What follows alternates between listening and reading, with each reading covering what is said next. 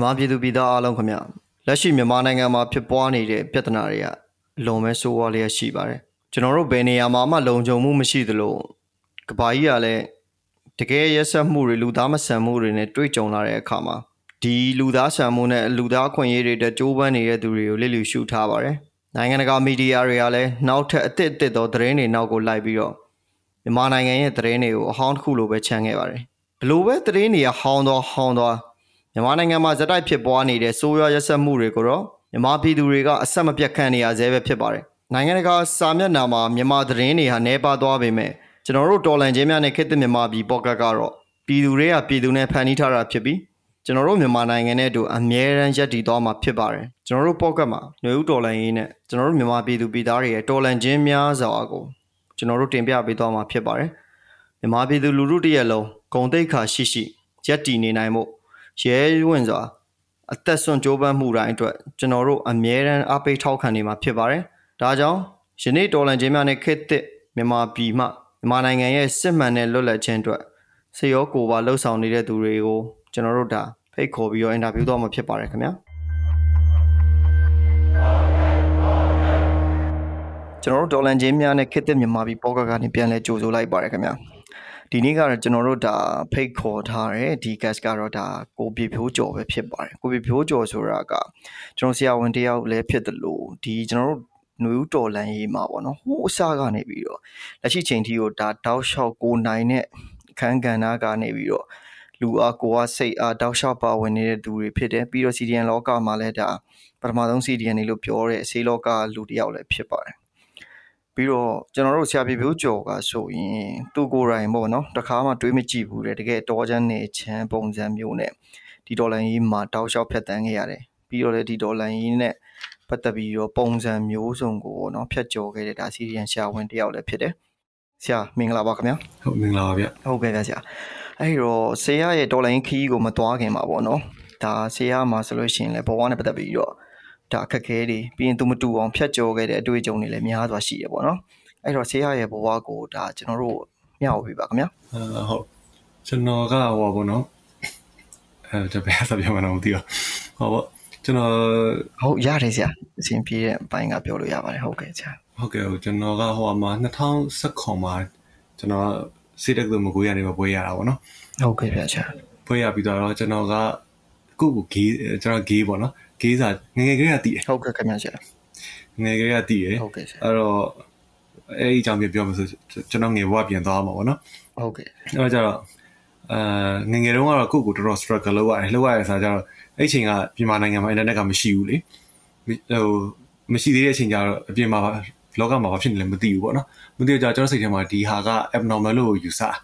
ယူဆကြကျွန်တော်ကိုကိုပြောင်းဖို့ကြိုးစားတယ်အဲ့တော့တကယ်တကယ်ဆိုရှင်ကျွန်တော်စီချောင်းက2015မှာကျွန်တော်ပြီးရမှာ ဒါပေမဲ့ပြီးရမှာကိုကျွန်တော်နှစ်နှစ်စာမွေးမဖြစ်ဖြစ်ဘူးစာမွေးဖြစ်ဖြစ်ကျွန်တော်2019ကျမှကျွန်တော်စာမွေးဟိုစီချောင်းပြီးတော့တာပေါ့နော်ဘာသာရေးစီချောင်းတက်တဲ့တစ်ချောင်းလုံးမှာကျွန်တော်အတွက်အကြီးမားဆုံး stress ကကျတော့အဲ့ဒီစောစော gay ဖြစ်နေတဲ့ကိစ္စပဲအဲ့တော့ကျတော့ second year လောက်ချိန်မှာအကုန်လုံးကအရန်ကိုပဲဟိုစိတ်ဖိစီးမှုများတဲ့အချိန်ပေါ့နော် second year ဆိုကျောင်းသားတော်တော်များစိတ်လေးတယ်ဆောင်းမွေးကြတယ်ပေါ့အဲ့ second year လောက်မှာကကျွန်တော်တော်တော် struggle လုပ်နေရပြီကိုပါကိုလေလက်မခံနိုင်ဘူးပေါ့နော်အဲ့တော့ကျွန်တော်တရီယာမှာတစ်ခေါက်တစ်နှစ်မဖြည့်ရဘူး ကျွန်တော်ပတ်တူးမှာတစ်ခေါက်တစ်နှစ်မဖြည့်ဘူးပေါ့နော်အဲ့တော့အဲ့ဒီအတော်တွင်းမှာကျွန်တော်ကိုယ့်ကို give up လုပ်ဖို့တော်တော်စဉ်းစားတယ်ပေါ့အဲဒီကနေတော့ကျတော့ပတ်ဝန်းလောက်မှာကျွန်တော်ကိုယ့်ကိုလက်ခံနိုင်သွားတယ်ဟိုကိုကပြဿနာမဟုတ်ဘူးပေါ့နော်ကိုကကိုဖြစ်တည်မှုကကိုဟိုရှက်စရာမရှိဘူးဒါတော့ပေါက်တော့ကျွန်တော်စီချောင်းပြီးသွားတယ်ပြီးသွားပြီးတော့အခုလက်ရှိကျွန်တော် partner နဲ့ကျွန်တော်တွေ့ရပေါ့နော်ဟိုဟိုအပြီးမှာပွဲပွဲယူပြီးမှတွေ့ရပေါ့နော်တွေ့တာကျွန်တော်မန်လေးမှာပြောင်းသွားတယ် ပြောင်းသွားပြီးတော့ကျွန်တော်ဒီမန်လေးမှာ private မှာပဲလုပ်ဖြစ်တယ်။ဘာလို့ဆိုကြအဲ့ကလေးကကျွန်တော်အစိုးရစနစ်ကိုမကြိုက်ဘူး။အစိုးရစနစ်ကိုမကြိုက်ဘူးဆိုတာအလုပ်ချိန်အရင်များတယ်ပြီးတော့ဟိုလေကြီးနိုင်ငံချင်းတအားများတယ်ပြီးတော့လကဘလို့မှယက်တီလို့မရအောင်။အဲဒါကျွန်တော်အိမ်မက်ကအစိုးရကကျွန်တော်နိုင်ငံသားဆောင်ဝယ်ဖြစ်မယ်ပြီးတော့လို့ရှိရင်နိုင်ငံသားပွဲယူမယ်ပေါ့နော်။အဲအဲ့လိုပဲကျွန်တော်စိတ်ကူးထားတာ။စိတ်ကူးထားပြီးတော့ဒီ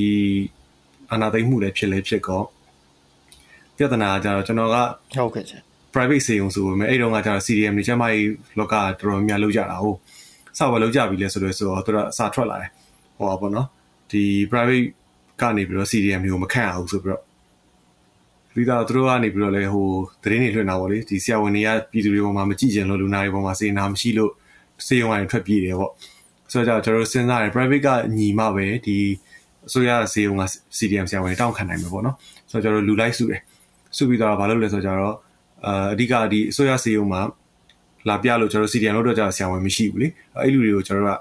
ဆိုတော့ private မှာခေါ်ပြီးကုပေးဖို့ကျွန်တော်ပြင်းတယ်ပြင်းတော့ကြာလိုတဲ့ fan ကကြာဒိုနာရှာတယ်ပြီးတော့စေယုံနဲ့ကျွန်တော်ညှိတယ်ကျွန်တော်တို့အနေနဲ့ basic fees ပဲယူမယ်ပေါ့နော်ဒီလူနာရေးကြီးရဲ့ service fee မယူဘူး specialist တွေလည်း free ပေါ့ကျွန်တော်လည်း free ပေါ့နော်ပြီးတော့လို့ရှိရင်လိုတဲ့ဆေးဖို့ပါညာကျွန်တော်ဒိုနာရေးချိတ်ပြီးပေးမယ်ဆိုတော့ကျွန်တော်ညှိသေးတယ်ညှိလဲညှိပြီးတော့ဒါပေမဲ့အစီဝေးခေါ်ပြီးတော့ဟိုက ဟိုစကားစားနေအမိန်လည်းထုတ်ရထုတ်လိုက်ကော private ဆေးကိုနေအကုန်လုံးကျွန်တော်တို့ပြန်မ meeting ပြန်ခေါ်တယ်မရဘူးတဲ့သူတို့ကတော့ဖြုတ်မှာပဲပေါ့နော်အကုန်ဖြုတ်မယ်ပြီးတော့သူတို့ဆေးရုံမှာလူနာနေရတော့ကြောင့်မလို့ဒီစစ်ဆေးရဆရာဝန်နေရပြီးတော့လို့ရှိရင် Nancy ရနေသူတို့ကခေါ်မယ်ပေါ့ဆိုတော့ကျွန်တော်တို့ကလက်မခံနိုင်ဘူးပေါ့နော်အမှားတွေပဲကျွန်တော်တို့စပြီးတော့ကျွန်တော်ဆေးရုံကတစ်ဆေးရုံလုံးလှုပ်ထွက်လိုက်တယ်ဒါပေမဲ့တခုတော့ဝမ်းနေကြကောင်းတာကျွန်တော်ဒီ private က တကယ်တကယ်ဆိုလို့ရှိရင်များဒီအာနာသိနေတဲ့ချိန်မှာဒီလုံးသာအကုန်လုံး CDM လုပ်မယ်သူတို့အစိုးရဌာနတွေသာအကုန်လုံးမယ်ဆိုလို့ရှိရင်တော့မလွယ်ဘူးလေသူတို့အနေနဲ့ဒီလိုဒီရှင်နေရောက်လာဖို့အထီအောင်သိမရှိဘူးပေါ့နော်ဒါပေမဲ့ဝမ်းနေကြကောင်းတာကျွန်တော် private ကကျွန်တော်ထွက်လိုက်တာပဲရှိတာဒီနေ့ထွက်ရင်နောက်နေ့ဆိုပြန်ဖြစ်မဲ့လူရဲ့အစင်းသင်းဖြစ်လာကျွန်တော်ရဲ့ဒီ private ရဲ့ CDM movement ကတော့ fail သွားတယ်ပဲပြောရမှာပေါ့နော်ဘာဖြစ်လို့လဲဆိုတော့ကျွန်တော်တို့ဒီ soft ဘိုင်းမှာဆိုလဲ CDM ဒီလှုပ်ရှားမှုရဲ့ဒီအတိုင်းတာတော်တော်လေးကြီးရလို့ပြောလို့ရတယ်ဗောနော်ဆရာဟုတ်ကဲ့ကျွန်တော်မြန်မာတနိုင်ငံလုံးနဲ့ဆို80 80လောက်ရှိတာအောင်နော်ဟုတ်ကဲ့ဟုတ်ကဲ့ဆရာအဲ့တော့ဆရာတို့ဒီဆိုးရမှာမလုပ်ဖြစ်ပဲနဲ့ private မှာနေဒီ private ကနေပဲဒါဆိုတာဆရာ CDN လုပ်ဖြစ်တာဗောနော်ဆရာဟုတ်ကဲ့ဟုတ်ဟုတ်ကဲ့ဆရာအဲ့တော့ဆရာတို့အဲ့ဒီ private ဆေးရုံမှာရှိခဲ့တဲ့အချိန်ရပေါ့နော်ဆရာအနေနဲ့ရောဒါဟိုကိုကိုကိုပေါ့ဒါ LGBT မှာ LGBT ဖြစ်ပါတယ်ပေါ့ အဲ့လိုမျိုးဆရာဒါဟုတ်ကဲ့ပြောပြီးပြီလားကိုပေါ့ဝင်ချင်းမိသားစုကိုအတိပေးပြလားဆရာဘယ်အချိန်မှဆရာအတိပေးပြတာလဲကျွန်တော်ကဟိုမိသားစုဝင်တွေကိုအကုန်လုံးတပြိုင်တည်းတော့ကျွန်တော်အတိမပေးဘူးဖြည်းဖြည်းချင်းစီပေါ့နော်အတိပေးရစားအဲ့ second ရက်တည်းရလောက်မှာကျွန်တော်ကိုယ့်ကိုအရင် struggle လုပ်နေရတဲ့အချိန်မှာကျွန်တော်ကျွန်တော်အဖွားကိုစပြောပြတယ်အဖွားကိုစပြောပြတော့ကျတော့အဖွားကတော့ဟိုလိုပြောမယ်အတိုက်ခံတော့ဘာမှတော့မလုပ်သူကျွန်တော်တခုပဲမေးတယ်သူလည်းစိတ်တော့မကောင်းဘူးမျက်နှာပြက်သွားအဲကျွန်တော်တခုမေးတယ် ဟိုပတ်ဝန်းကျင်ကိုရင်ဆိုင်မှုအစင်းသင်းဖြစ်ပြီလားကျင်းနေလားဒီလမ်းကိုရှောက်ဖို့ပေါ့နော်ဘာလို့ဆိုတော့ဝေဘန်နာတော့ခံရမှာပဲတိုက်ခိုက်တာခံရမှာပဲပေါ့နော်အဲ့တော့ဆိုဖြစ်ချပြီးတေးကြပြီလားဆိုညရတေးကြပြီပေါ့ဆိုကဲအဲ့ဆိုလို့ရှိရင်တော့သူဘာမှမပြောဘူးပေါ့နော်ဒါပေမဲ့တခုရှိတာဒီလိုမျိုးလမ်းကိုရှောက်မယ်ဆိုလို့ရှိရင်တော့ဝေဘန်ခံရမယ်တိုက်ခိုက်ခံရမယ်ဆိုကိုယ့်ဘာကိုရည်တည်နိုင်မှာပဲအဆင်ပြေမယ်ပေါ့နော်ကြိုးစားပဲသူပြောသူဘာမှမပြောအဲ့ပြီးတော့ကျွန်တော်ကျွန်တော်အမကိုကျွန်တော်ပြောပြတယ်ကျွန်တော်အမငိုတယ်ဟုတ်ကဲ့ဆရာပြောပြောချင်းမှငိုတယ်ပေါ့နော်ဒါပေမဲ့ခဏပါပဲ ဟိုကျွန်တော်အပြစ်မတင်ဘူးဟိုအကြီးကြီးဘာမှမလုပ်ဘူးသူစိတ်မကောင်းဘူးပေါ့နော်သူမျှော်လင့်မထားဘူးပေါ့ဒီလိုမျိုးပေါ့ဒါပေမဲ့ရပါတယ်ပေါ့ဖြစ်တယ်ဘာမှပြဿနာမရှိဘူးနော်သူအားပေးတယ်ပေါ့ဆိုပြီးတော့မှနောက်ဆုံးကျွန်တော်ကျွန်တော်အမေကိုကျွန်တော်ဖွင့်ပြောတယ်အဲ့ဒီအချိန်ကတော့ကျွန်တော်ဟောဖြစ်ပြီဟောက်ဆင်းနေပြီဟုတ်ကဲ့ခင်ဗျာကျွန်တော်စီချောင်းပြီးတော့မယ်ပေါ့နော်အဲ့ဒီအချိန်ကျတော့ကျွန်တော်အစောကြီးကလည်းစီစဉ်ရှိတယ်ကျွန်တော်ကြောင်းပြီးခင်မှာဒီကိစ္စကိုကျွန်တော်လူတွေကိုထုတ်မပြောချင်ဘူးဒါပေမဲ့ကျွန်တော်ကြောင်းပြီးသွားပြီဆိုလို့ရှိရင် ဆိုတော့ကျွန်တော်လမ်းကြောင်းပေါ်ကျွန်တော်ရောက်သွားပြီဆိုရင်တော့ဘယ်သူမှကျွန်တော်ပြီးမဆိုင်ဘူးပေါ့နော်ပြောတော့မယ်လို့စိတ်ကူးတယ်ဘာလို့ဆိုတော့ကျွန်တော်တို့ခင်မှာတော့ကကျတော့ဒီလိုပုံမှန်လင်းလင်းပြောရလို့မရှိတော့ကြတော့ဟုတ်ကဲ့ရှင်ကိုကို abnormal ကြီးလို့ထင်တာကျွန်တော်ကြောင့်ပုံရှုပ်ွယ်ရှုပ်နေအဲ့လိုမလုံးမလဲအရန်ခံစားရတယ်ပေါ့နော်အဲ့တော့လူတော်တော်များများသာကမ်မောက်လောက်လိုက်မယ်ဆိုလို့ရှိရင်ဒါဒီတိတ်ပြီးတော့ထူးဆန်းတဲ့ကိစ္စမဟုတ်တော့ဘူးဆိုရင်နောက်လူတွေအတွက်လည်းဒီလောက်ကြီး stress မဖြစ်တော့ဘူးမခက်ခဲတော့ဘူးပေါ့နော်လူတွေလည်းတဖြည်းဖြည်းလက်ခံလာမယ်လို့ထင်တယ်ပေါ့ဆိုတော့ကျွန်တော်အမှကမ်မောက်လို့ဖို့အစောကြီးကစိတ်ကူးရှိပြီးသား အဲကြောင့်ကျွန်တော်ဘွဲယူပြီးရင်ကမ်မောက်လို့မလို့စိတ်ကူးတော့ဘွဲရကနေမှကျွန်တော်အမေကိုပြောလိုက်တယ်ပြောလိုက်တော့ကျတော့အမေကလည်းအဖွားလို့ပဲဒါအမေကတော့ပထမတော့မေးသေးတယ်စူးစမ်းကြည့်လို့မရတော့ဘူးလားကိုယ်စိတ်ကိုကိုပြောင်းလို့မရဘူးလားအဲ့ဆိုမရဘူးမေလို့ဒါဆိုကျွန်တော်အဲ့တော့ဆောင်းမွေးတွေအဲ့လိုမဖြစ်ဖြစ်ဘူးကျောင်းနေမသွားဖြစ်ဘူးဆိုအဲ့ကိစ္စတွေလည်းပါတယ်ပေါ့နော်ကျွန်တော်စိတ်ရင်းညစ်တယ်ဆိုတော့အမေပြောရဲအဲ့ဒါဆိုလို့ရှိရင်တော့မတန်ဘူးပေါ့ဘာလို့ဆိုတော့သူဖြစ်ချင်တာကကြတော့သူ့သားလေးပျော်နေအဆင်ပြေတာမြင်နေတာပေါ့နော်အဲ့ဒါကြီးကိုဆိုပြောင်းအောင်လို့စောစောလိုမျိုးစိတ်ကျမ်းမာရေးထိခိုက်မယ် လူပါထိခိုက်မယ်ဆိုလို့ရှိရင်တော့လဲရမှာမတန်ဘူးပေါ့တော့ပျော်သလိုပဲနေဒါပေမဲ့စောစောတခုရှိတာကိုကျမကြီးတော့မထိခိုက်စေနဲ့ပြီးတော့ကိုယ့်ဘာကိုရည်တည်နိုင်အောင်နေပေါ့နော်အမေဒါပဲမှားအဲကျွန်တော်ကြောင်းပြီးတော့မှကျွန်တော်ဟုတ်ကဲ့ခင်ဗျာဒီ private မှာအလုပ်စဝင်တော့ကျွန်တော်ကမောင်းလုပ်လိုက်တာကျွန်တော်လက်ရှိ partner နဲ့ပေါ့နော်ဆိုတော့တွဲတာစေုံအကုန်တည်တယ်တကယ်လဲဟိုကိုချင်းစာတွေပဲပြောရမယ်ကျွန်တော်အမျိုးတွေထဲမှာလည်းရှိတယ်ပြီးတော့နောက်တစ်ခုကဆရာကိုခုနပြောသလိုလေးစားတာပေါ့နော်ဆရာဒီဆရာဖြတ်ကြော်ခဲ့တယ်ဆိုတော့ငငယ်လေးကလေးကပေါ့နော် ဒီလိုမျိုးကိုယ့်ရဲ့ဒီစိတ်ပိုင်းဆိုင်ရာကိုကိုတေချာသိတဲ့အချိန်မှာဆရာတို့ကျွန်တော်တို့ပတ်ဝန်းကျင်ကလည်းဒါအားလုံးသိရပေါ့နော်ပုံစံကတော်တော်လေးကိုဒါလုံးဝဟိုဘယ်လိုပြောမလဲတာမန်ပေါ့ရက်ွက်တွေကလူတွေရောက်ကိုတော့မှတော်တော်လေးမဟုတ်တာလောရင်မှုချိုးမြချိုးပြောတဲ့အချိန်မှာသူတို့ကိုယ်တိုင်ကပေါ့နော်အတွေ့အကြုံမရှိတာကိုသူတစ်ပါးကိုဖိနှိပ်တတ်တဲ့ပတ်ဝန်းကျင်မျိုးဖြစ်ခဲ့တာဟုတ်နော်ဆရာကျွန်တော်တို့ကဟုတ် အဲ့လိုဆိုတော့တော်တော်လေးကိုဒါဆရာပါပဲပြောပြောရုံးကန်မှာသို့ပေမဲ့ဒီချိန်မှာတော့ဒါဆရာအခုလိုမျိုးရက်တည်နေနိုင်တာကိုလည်းဒါကျွန်တော်တကယ်လေးလေးစားပါတယ်ဆရာဟုတ်ကျေးဇူးတင်ပါတယ်အဲ့တော့ဆရာအနေနဲ့ပေါ့နော်ကျွန်တော်တို့လည်းသိရပါတော့မြန်မာမှာဆိုလို့ရှိရင်ဒါ2020နောက်ပိုင်းပေါ့ဒါဦးသိန်းစိန်ဆိုရလက်ထက်လောက်ကနေစပြီးတော့ဒါဖုန်းတွေလည်းလူတိုင်းသုံးနိုင်တဲ့အနေအထားဖြစ်လာပြီပေါ့နော်ပြီးတော့ internet တွေလည်းနည်းနည်းအဆင်ပြေလာတယ်ပေါ့အဲ့မှာလူတွေက LGBT ဆိုတဲ့ word ကိုစပြီးလက်ခံလာတယ်လို့ပြောလို့ရတယ်ပေါ့နော် အဲ့တော့အဲ့ကာလမှာဆရာအနေနဲ့ရောအလုပ်ထဲမှာရောကိုယ်ပတ်ဝန်းကျင်မှာရောဆရာဆရာတို့ဟိုအရင်ထက်ပိုပြီးအဆင်ပြေလာတာမျိုးရှိလားဒါမှမဟုတ်အရင်တိုင်းပဲအဲ့လိုမျိုးဟိုမကောင်းတာပြောခံတဲ့ဖိနှိပ်ခံရတာတွေကြုံနေတော့မဲ့လားဆရာဘယ်လိုမျိုးလဲဆိုတော့ကျွန်တော်2010နောက်ပိုင်းကျတော့ကျွန်တော်အဲ့တော့စေးချောင်းမှာပဲရှိသေးတယ်ပေါ့နော်စေးချောင်းမှာပဲရှိသေးတယ်ကျတော့တခုကောင်းတာအရင်တော့ကကျွန်တော်နိုင်ငံသားမှာဒီလိုမျိုးလက်ခံတာကျွန်တော်သိမသိဘူးစိတ်ထဲမှာလေဟိုတကဘာလုံးမြန်မာပြည်မှာလိုမျိုးပဲအကုန်လုံး ဟိုရှုံချမယ်အဲ့လိုမျိုးပဲထင်တာပေါ့နော်ဟုတ်ကဲ့ဒါပေမဲ့အဲ့ချိန်မှာကျွန်တော်တို့ဖတ်မှတ်ရဗာ series နာမည်ကြီးတယ်ဆိုတော့ကျွန်တော် Prison Break series နာမည်ကြီးတယ်ဟိုလေးတကျော်ဖြစ်သွားတဲ့အချိန်မှာ Prison Break မင်းသားကသူကမ်းမောက်လုပ်တယ်ပေါ့နော်ဟုတ်ကဲ့ကြီးဆိုတော့ကမ်းမောက်လိုက်တော့ကျွန်တော်ရင်းနေတာအရန်ကိုအားတက်စရာဖြစ်သွားဟာဒီလိုလူကြတော့လူတိုင်းလည်းအားပေးတယ်လူတွေလည်းသဘောကျတယ်ဒါပေမဲ့ဒီလိုလူမျိုးကလည်းဂေးရှိပါလားပေါ့ဆိုကြအဲ့ဆိုလို့ရှိရင်တော့ ငါလည်းတနေ့ကြလို့ရှိရင်ဒီလိုမျိုးကမ်းမောက်လုပ်နိုင်ရမယ်စိတ်ကူကကျွန်တော်အမှစရတာပေါ့နော်ဟုတ်ကဲ့ဆရရာပြီသားကျွန်တော်ကြောင်းပြီးတော့တခုကောင်းလာတာနောက်ပိုင်းဒီ BL series များလာတယ်ဆိုတော့ကြတော့ကျွန်တော်တို့အားပေးရလူရှိလားအဲ့တော့ကြာလူကနှစ်ချမ်းကွဲသွားပါတော့တစ်ချမ်းကကြာလုံးဝကို support လုပ်တယ်အရင်အားပေးတယ်ဒါပေမဲ့ဟိုနည်းနည်းရှေးရှေးရိုးဆန်တဲ့လူတွေကကြာတော့အဲ့ဒါကိုလက်မခံဘူးလက်မခံရင်တော့ကြာတော့ကျွန်တော်တို့အလုံးမအောင်လိုက်ကခွဲခြားဆက်ဆံခံရတာမျိုးရှိတယ်ရှိရဆိုကြတော့ဒါပေမဲ့အဲ့ခေတ်မှာတခုကောင်းသွားတာက သူတို့က protein ကြော်တို့မရှုံချရဲတော့ဘာလို့ဆိုကြတော့စောစောလို့ social media အရင်ခေတ်စားလာတဲ့အချိန်မှာလူတွေအားပေးတဲ့အချိန်ကျတော့သူတို့က protein မပြောရဲဘူးအဲ့တော့ကြာသူတို့လုတ်ပိုင်ခွင့်ကိုတုံးချပြလို့ပေါ့နော်ကျွန်တော်တို့ pressure ပေးရတော့ရှိတယ်ဟိုမှာဆိုလို့ရှိရင်များကျွန်တော်တို့ဆေးရုံမှာအတွေ့အကြုံအများကြီးပဲဟို straight အတွေ့အကြုံရှိတယ်ကျွန်တော်တို့အတွေ့ရှိတယ်ပေါ့နော်ဟုတ်ကဲ့ဆိုတော့ကြတော့ဒီ straight အတွေ့အကြုံဆိုလို့ရှိရင် duty တူတူပေးစင်းတယ်ဟို duty တစ်ချိန်နဲ့ပေးစင်းတယ်ကျွန်တော်တို့အတွေ့ကြတော့ဘလုံးဝပေးမစင်း duty ကိုမှဟိုတယောက်တစ် group စီစင်းရ အချိန်ကုန်မတူဘူးပေါ့နော်အဲ့အချိန်မှာတော့ကကြတော့ကျွန်တော် partner တော့အစိုးရဆရာဝန်နောက်မှထွက်လိုက်တာပေါ့နော်ဟုတ်ကဲ့အဲ့ကြနေကင်းကိုအစိုးရစီကိုသွားရတယ်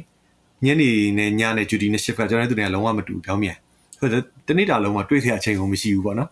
ကျွန်တော် request လုပ်တယ်ကျွန်တော်တို့ကိုဖြစ်နိုင်မယ်ဆိုလို့ရှိရင် duty တူတူချပေးပါပေါ့နော်ဘာလို့ကျွန်တော်တို့ ਨੇ opposite group ကလည်းလဲကျင်တဲ့လူရှိတယ်သူတို့လည်းအဆင်မပြေဘူး duty ချိန်ဆိုတော့လုံးဝပေးမစင်းဘာလို့ဆိုကြတော့နင်တို့က gay အတွက်မလို့လည်းငါပေးမစင်းနိုင်ဘူး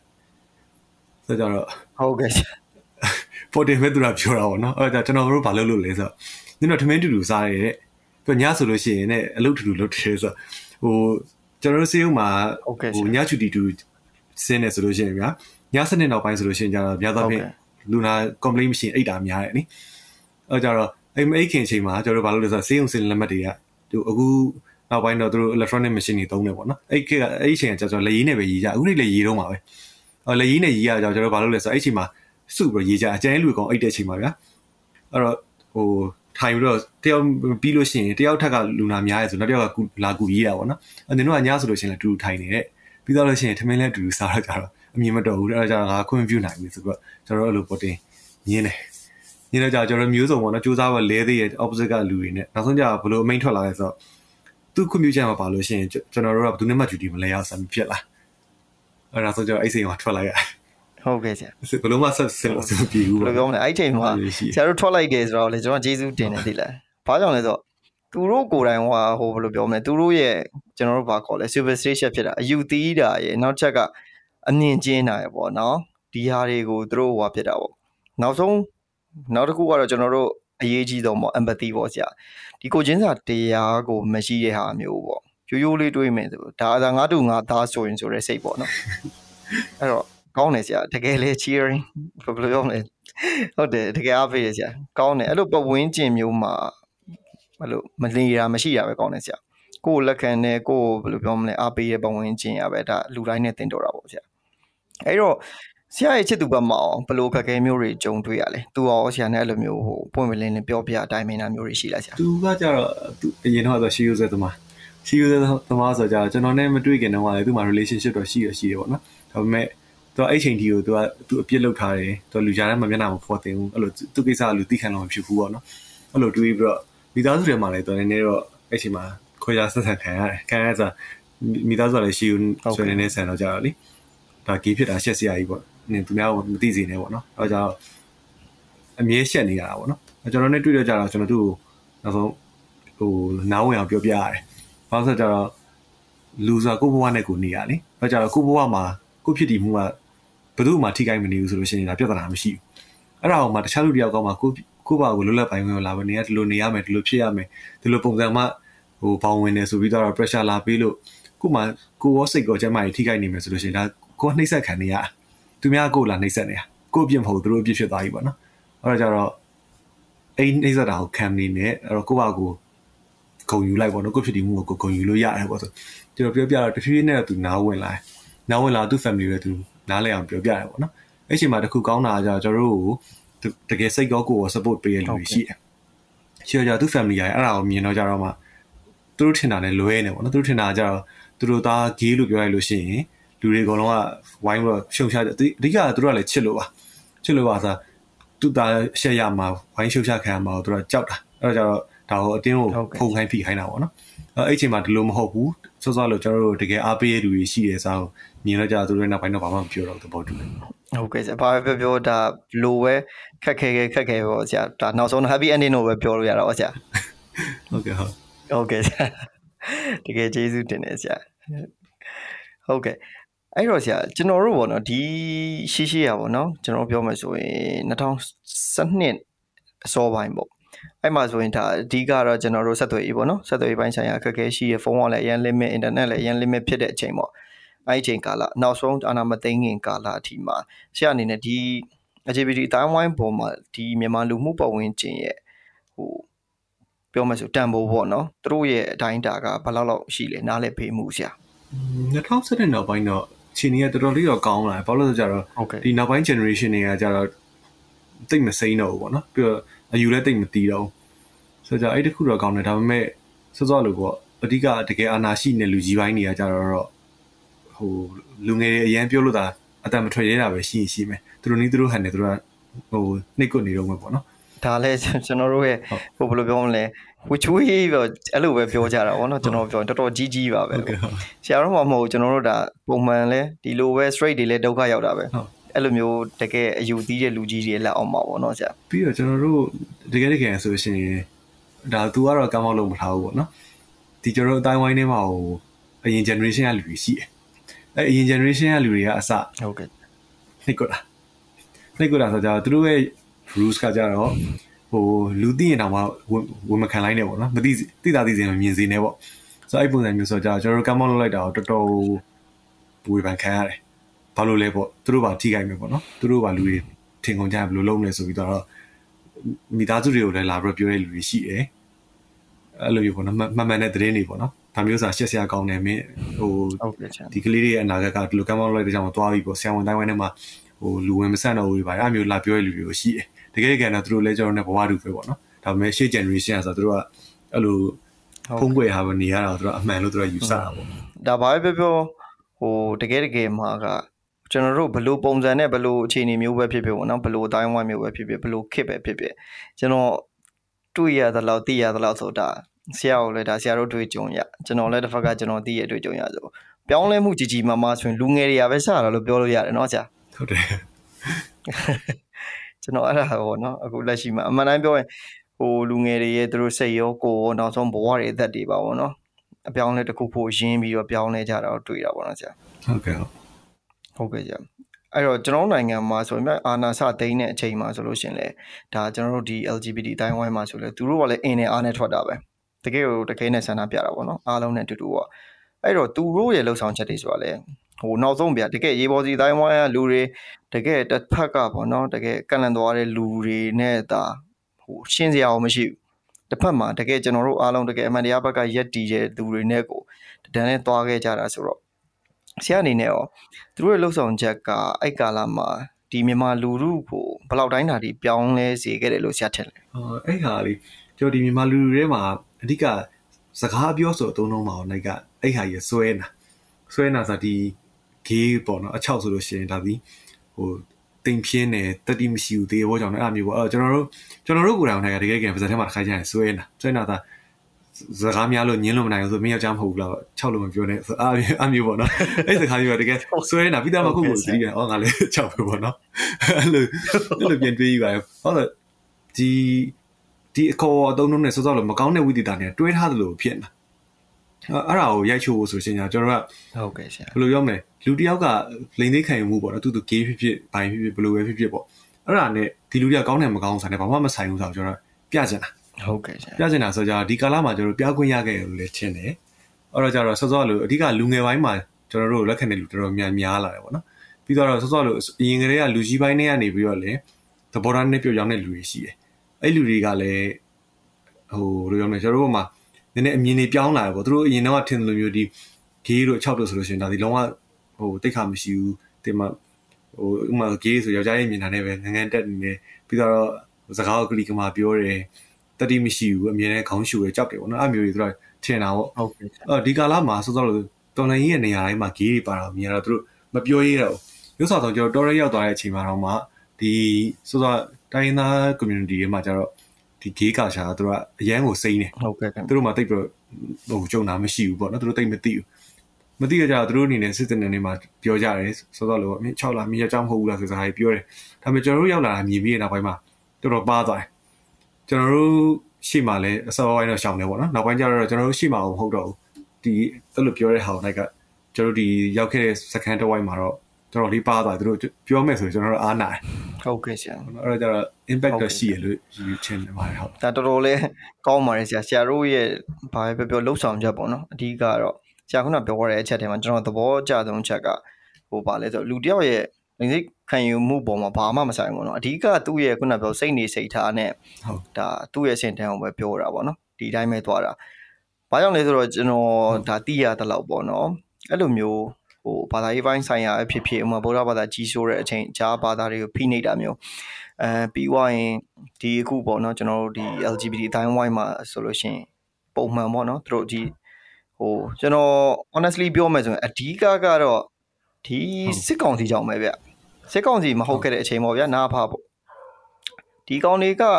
ကျွန်တော်တို့အမှန်တိုင်းပြောရင်88ကျွန်တော်တို့ကာလမှာကိုဆရာကျွန်တော်တို့ ဒါဒီ LGBT အတိုင်းဝိုင်းကကိုကတကယ်ရဲရင်ရင်ဆန္ဒပြခဲ့ကြတာเนาะဆရာ ဟုတ်တယ်အဲ့ကာလမှာလည်းပါဟုတ် ဟုတ်တယ်အခုမှမဟုတ်ဘူးတိုးပေမဲ့အဲ့ကာလမှာဟုတ်တယ်အဲ့ကာလမှာဒီကောင်တွေက share ဖိနေတာပြီးတော့ဒီအထူးသဖြင့်တော့ကျွန်တော်မြင်ရတဲ့လောက်တော့နုပညာပတ်ဝန်းကျင်ပေါ့နော်ဆရာအဲ့ကလည်းလီဒီပြည်သူလူထုရဲ့ဟိုပြောမယ်ဆိုရင်များကျွန်တော်အသိဉာဏ်ကိုအစိတ်ခတ်တာပေါ့ပြောမယ်ဆိုရင်ကျွန်တော်အားလုံးသိတယ်ဗျာဒီမြန်မာစကားတွေမှာသူကြီးလိုက် ဒီကျွန်တော် LGBT အတိုင်းဝိုင်းကို share ဖိနှိပ်တယ်တကယ်ဟိုဘယ်လိုပြောမလဲလူပြက်ကြီးလိုမျိုးအဲ့လိုမျိုးတကယ်ကိုဟိုတော်တော်လေးကိုဆိုးဆိုးဝါးဝါလှုပ်ထားတာပေါ့နော်အဲ့ဒါတွေအကြောင်းလည်းဖြစ်တယ်ဟုတ်ကဲ့ဆရာအဲ့တော့ဒီစစ်ကောင်စီသားပေါ့နော်အကယ်၍ပြတ်သွားမယ်ဆိုလို့ရှရင်ပြီးရင်ကျွန်တော်တို့ဒီ Federal နိုင်ငံဖြစ်လာမယ်ဆိုလို့ရှရင်ဒါကျွန်တော်တို့အနေနဲ့ဘယ်လိုပုံစံမျိုးတွေဖြစ်သွားနိုင်လဲဆရာကျွန်တော်ဒီဟောဗောနော်အခုဒီမိုကရေစီအစိုးရကိုလည်းသူက ဟိုယာနှုံးပြည့်ကြိုက်တာတော့မဟုတ်ဟုတ်ကဲ့ဆရာကြိုက်တာတော့မဟုတ်ဘူးသူတို့လည်း perfect ဖြစ်တယ်ဆိုတာဘယ်သူမှမရှိဘူးလေဒါပေမဲ့အဓိကအကြီးမားဆုံးကွာတဲ့ချက်ကဘာလဲဆိုတော့စစ်ကောင်စီကညှိလို့နိုင်လို့ပြောလို့ရတဲ့အဖွဲ့အစည်းမဟုတ်ဘူးဟိုဘယ်လိုပြောမလဲဘာမှဂီးဆိုင်ပြီးသူတို့မှအခြေခံဘောင်စည်းမျဉ်းစာဘာမှမရှိဘူးဒါပေမဲ့ဆိုတော့ဒီမိုကရေစီအစိုးရကကြတော့သူတို့မှလိုရာမှားတာပဲရှိချင်ရှိမယ်ဒါပေမဲ့ကျွန်တော်ထောက်ပြလို့ရတယ်ပြောပြခွင့်ရှိတယ်ပြီးတော့ဟိုညှိနှိုင်းဆွေးနွေးခွင့်ရှိပါတော့ကျွန်တော်တို့ဒီ LGBT နေနဲ့ ညှို့လင်းချက်ရောင်ကြီးရှိတယ်။ဘာလို့ဆိုအခုဆိုလို့ရှိရင်မယ်ဒီအာနာမသိငယ်တက်တမ်းမှလည်းဥပဒေကြီးဆွဲနိုင်ရှိတယ်ပေါ့နော်။ပြီးတော့အခုဆိုလို့ရှိရင်တို့ဒီဆရာမျိုးမင်းကိုသူတို့ဝန်ကြီးခန့်နာကိုကြည့်ရင်ကိုတိတာတာဟုတ်ပေါ့ကဲ့နော်ဆရာ။နေရာပေးခြင်းသိရှိဟုတ်တယ်နော်ဆရာခွေးကြတာမျိုးမရှိဘူးဟုတ်လားကဲ့။ဟုတ်ဆိုတော့ဒါကျွန်တော်တို့တွေလမ်းစာတော်တော်ပွင့်လာတယ်လို့ယူဆရတယ်ပေါ့နော်။ဒါပေမဲ့တခုဝမ်းနေစရာကောင်းတာကြတော့အခုချိန်ထိကိုအာနာသိန်းသိန်းချင်းမှာတော့စောစောလိုလူတူကကျွန်တော်တို့ဒီ LGBT တိုင်းဝိုင်းလူတွေထွက်လာတယ် လူတို့ကတခဲနဲ့ထောက်ခံတယ်ပေါ့နော်ဆိုပေမဲ့တကယ်တကယ်တဝက်လောက်ကပဲစစ်မှန်တာကျန်တဲ့တဝက်လောက်ကကျွန်တော်ဒီ online ရာစုတွေမှာရှိတယ်အခုနောက်ပိုင်းမှာပြန်မြင်လာရတယ်စောစောလိုမျိုးအဲ့ online အစပိုင်းမှာလည်းမြင်ခဲ့ရတာပေါ့နော်ဒီစောစောမင်း online နဲ့ဒီဟိုစစ်တပ်ကိုမကောင်းပြောချင်လို့ရှိရင်ထမိန်ဝစ်ပေးတာမျိုးနှခမ်းနေဆိုးပေးတာမျိုးကောက်တွန်းနေဆွဲတယ်ဟိုတော်တော်ဟိုကျွန်တော် LGBT ဖြစ်တည်မှုနဲ့နှိုင်းရှင်ပြီးတော့နှိမ့်ချတာမျိုးရှိရအောင်နော်အခုနောက်မှာလည်း ပြန်တွေ့လာတယ်နှစ်နှစ်လောက်ကြာတဲ့အချိန်မှာလေအဲ့မျိုးယူရယူရပြန်ပြန်ပေါ်လာတယ်အဲ့အဲ့တုန်းကတော့ကျွန်တော်တို့ wine bro online ကြတော့ကြတော့ပြန်ဖြုတ်ချသွားတယ်တောင်းမယ်လူတွေတောင်းမယ်လေပေါ့နော်ဒါပေမဲ့အခုနောက်ပိုင်းမှာကျတော့ပြန်ပြီးတော့ခက်စစ်စစ်လေးပြန်တင်လာတွေ့တယ်အာဒါပေမဲ့ကျွန်တော်ပြောလေကြီးမဆိုင်ဘူး။ဘာလို့လဲဆိုတော့တော်တော်လိုင်းအမိကန်ခေါင်းစဉ်အောက်မှာပေါ့နော်။သူတို့လူခွဲခြားဆက်ဆံမှုတွေပြန်လှုပ်လာတယ်။ဆိုတော့ကြတော့ဒါပေမဲ့ ဘယ်လိုပြောမလဲကျွန်တော်တို့နေလမ်းကတော့အရှင်းကြီးဗျာနှစ်ခုရှင်းလိုက်လို့ရှိရင်တော့စက်ကောင်စီအောက်မှာတော့ကျွန်တော်တို့နေမျှော်လင့်ချက်လုံးဝမရှိဘူး။ဒါပေမဲ့စောစောဒီမိုကရေစီအစိုးရတက်လာလို့ရှိရင်တော့ဒီအစိုးရဒီပြည်သူ့အတိုင်ကိုနားထောင်မှုအတွက်ဟိုလူလားတယ်။ပြီးတော့နောက်ပိုင်း trend တွေပြောင်းလာတဲ့အရာလေဒီလူငယ်တွေထဲမှာကျွန်တော်တို့ကိုလက်ခံနေလူတော်တော်များလာတယ်ပေါ့နော်။အဲကြတော့ percentage များလာတယ်ဥယျာဉ်များလာတယ်ဆိုတော့ကျွန်တော်တို့ပြောလို့ဆိုလို့ညှိလို့ရတယ်။ဘာလို့ဒီအစိုးရဒီပြည်သူ့အတန်ကိုလိုက်ပြီးတော့ပြောင်းလဲဖို့အစဉ်သင်းရှိတယ်ပေါ့နော်။ အဲကြတော့ကျွန်တော်တို့ယူဆတယ်။ဒီဒီမိုကရေစီဆိုရပြန်တက်လာလို့ရှိရင်ပြန်ပြောင်းတဲ့အချိန်မှာသူများနိုင်ငံထက်ကိုပိုမြန်နိုင်မယ်လို့ယူဆတယ်။ဘာလို့ဆိုတော့ဟိုတဖြည်းဖြည်းချင်းပြင်ရတာမဟုတ်လေဒါကူကျွန်တော်တို့အကုန်လုံးပြိုပြက်သွားတာပဲအစအပြင်စောက်အောင်ပါဟုတ်စောက်အောင်မယ်ဆိုတော့ကျတော့ဒီဒီဥပဒေတွေပြင်ဆွဲတဲ့အချိန်မှာ online ကမှန်ကန်တဲ့ဟာဟိုယူဆတွေပြန်ထည့်ပြီးတော့ပေါ့နော်ဟိုပြန်ဆွဲရတာတိတ်တော့မခက်တော့ဘူးလို့ထင်တယ်ဟုတ်ဟုတ်ကဲ့ဆရာကျေးဇူးတင်ပါတယ်အဲဆရာရဲ့ဒီ team ယူဆချက်ဆိုတော့လေကျွန်တော်တို့ ဒီရှေးကာလအာနာမသိငင်စัจ जा လေးမှာဒါလူတိုင်းပြောခဲ့ကြတာပေါ့နော်အခုလက်ရှိမှာကျွန်တော်တို့ဗာဒီဒီမိုကရေစီဆိုးရကအိမ်ပြက်ကြီးကိုပြေနေရတာပေါ့နော်အဲ့အတွက်အရန်လက်ဝင်တယ်တကယ်တော့အစအနေစတက်ကပြန်ချမယ်ဆိုပုံမြန်မယ်ဆိုတဲ့ဟာမျိုးပေါ့နော်ဆရာဟုတ်ကဲ့ဆရာကျေးဇူးတင်ပါတယ်အဲ့တော့ဒါကျွန်တော်တို့ဆရာရဲ့ဒီဟိုဒါတော်လိုင်းခရီးချမ်းဘက်ပေါ့နော်ဆရာအဲ့ဘက်သွားလိုက်အောင်အဲ့ဘက်မှာဆိုရင်ဆရာအနေနဲ့ဆိုဒါဆရာနာသိမ်းမှုနောက်ပိုင်းမှာဆိုဂီနီဒေတာမှာဆရာဆက်လက်ပါဝင်အားဖြည့်တယ် ဆရာနိုင်တဲ့မြောက်အကုန်ကုန်းယုံကျုံပြီးတော့လုပ်ခဲ့ရတာပေါ့နော်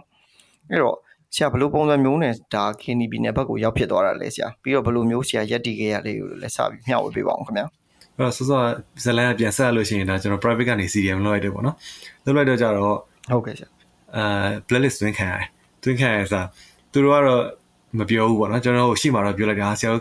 ရည်တည်ချက်ကိုလေးစားပါတယ်ဟိုကျမတို့ဆိုလို့ရှိရင်လည်းလူငယ်တုန်းကဆိုတော့လုံးမိပါပါ အခုတော့မလုံးနိုင်ဘူးဆိုမလေးစားပါတယ်ဗျာကျွန်တော်တို့ပြောလိုက်တဲ့လူကအဲနောက်နေ့မှတယ်မယ်သူတို့ group ထဲမှာကျွန်တော်တို့သတင်းပြန်ပေးရလူရှိတယ်ဆရာကြီးရဲ့ဆရာကတော့ဒီ private association group ထဲမှာ playlist ဝင်လိုက်ပြီပေါ့နော်အဲ့တော့ဘယ်စိတ်မှမခတ်ဖို့စာထုတ်လိုက်ပြီပေါ့ဆိုတော့ဟောဖြစ်တယ်ပေါ့ဒါပေမဲ့ပြဿနာမရှိဘူးပေါ့လေဟိုသူတို့စီမှာအလုံးမရလည်းကိုယ့်ဘာကိုရက်တည်လို့ရတယ်ပေါ့ဆိုပြီးတော့ကျွန်တော်အဲ့ကာလာမှာဘာလို့ဖြစ်လဲဆိုတော့ဆိုတော့ brighter စီကနေကျွန်တော်လိုက်ထိုင်တယ်ပြီးတော့ဆန္ဒပြတာမှာကျွန်တော် medical cover ကြီးလိုက်တယ်ဟုတ်ကဲ့လိုက်တော့ကြတော့ လိုက်ရင်းနဲ့တရက်လဲကြာလဲကြာတော့ကျွန်တော်ဒီ green ဘက်ရောက်နေတဲ့ green စာအစောအစောတော့ကကျွန်တော်တော့လုံးဝစိတ်ကူးမရှိဘူးဘာလို့ဆိုတော့အဆက်ဆက်လည်းမရှိဘူးကျွန်တော်တခါမှမရောက်ဘူး